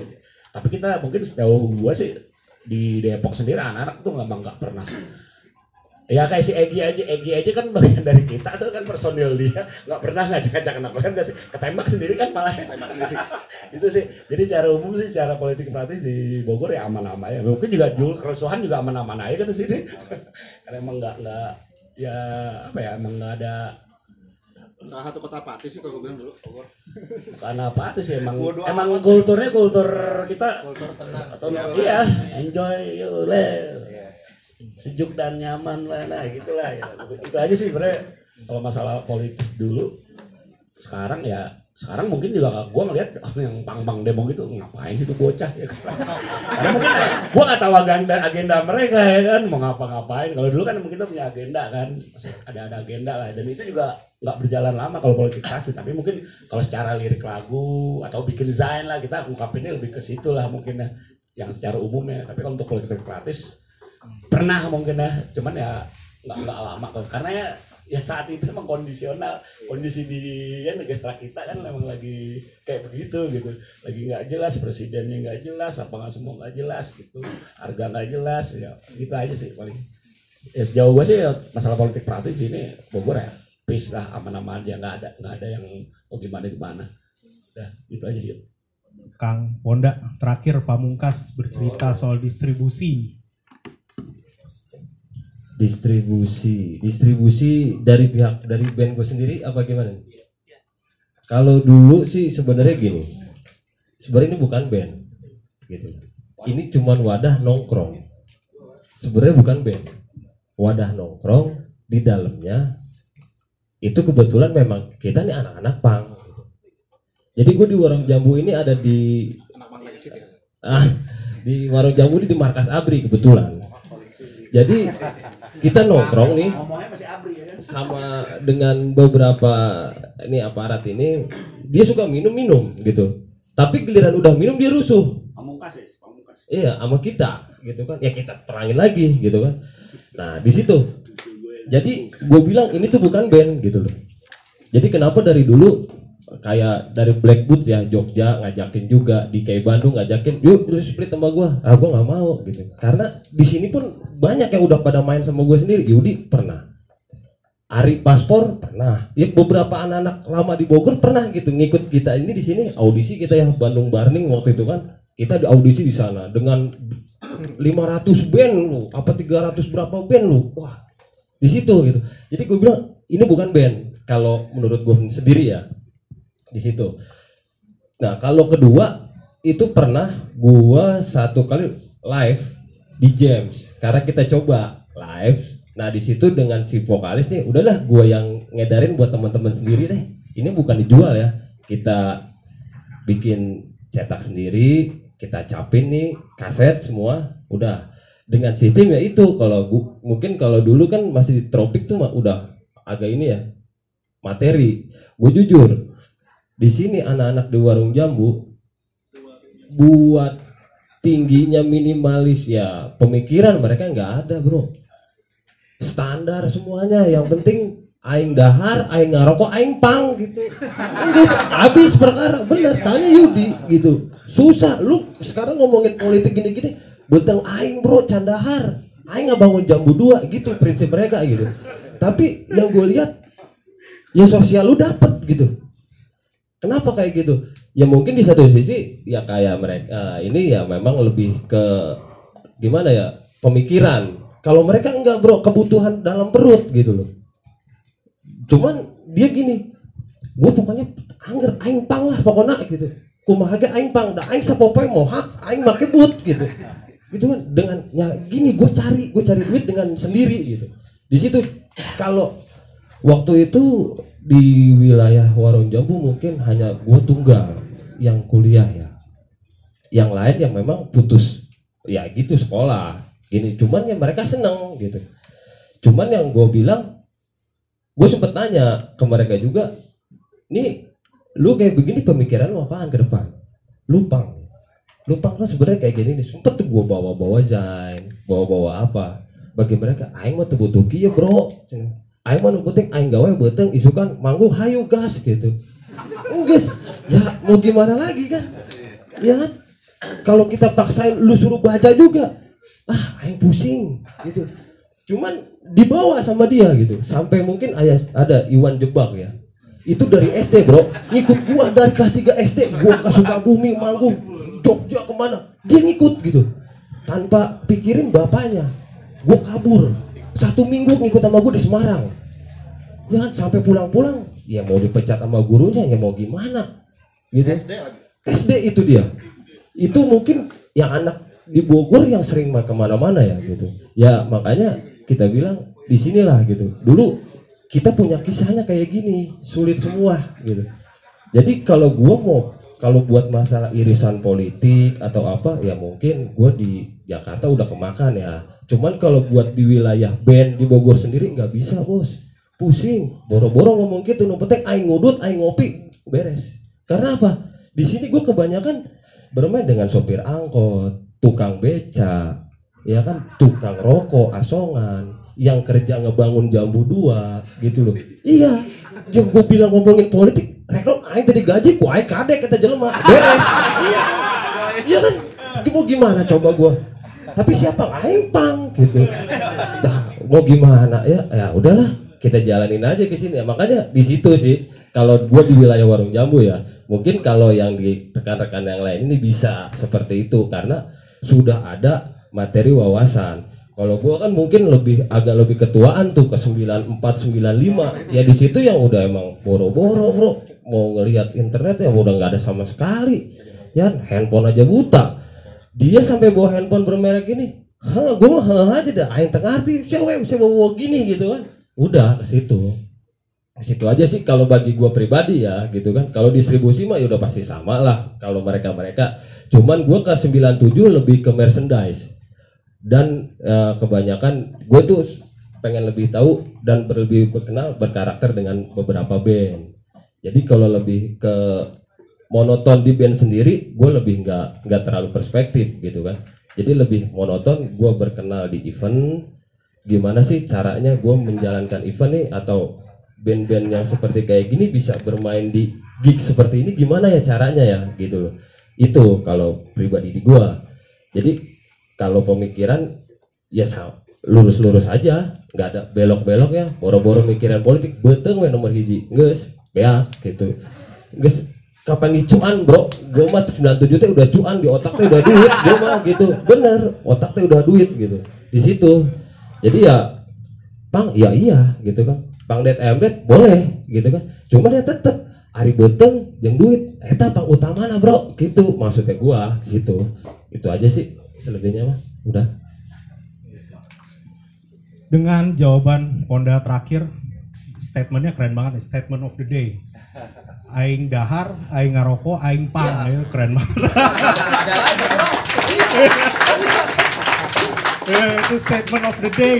Jadi dengan jawaban Honda terakhir kita tutup dulu ya eh, sesi formalnya, informalnya. Silakan nanti ngobrol masing-masing nggak tahu sampai jam berapa bebas. Eh, tergantung tuan rumah. Eh, jadi ya sekian. Terima kasih buat panitia yang udah menyelenggarakan teman-teman yang udah datang. Terima kasih dan selamat malam. Yuk. Ada season 2 kan? Ganti peran. Season 2 ganti orang ya.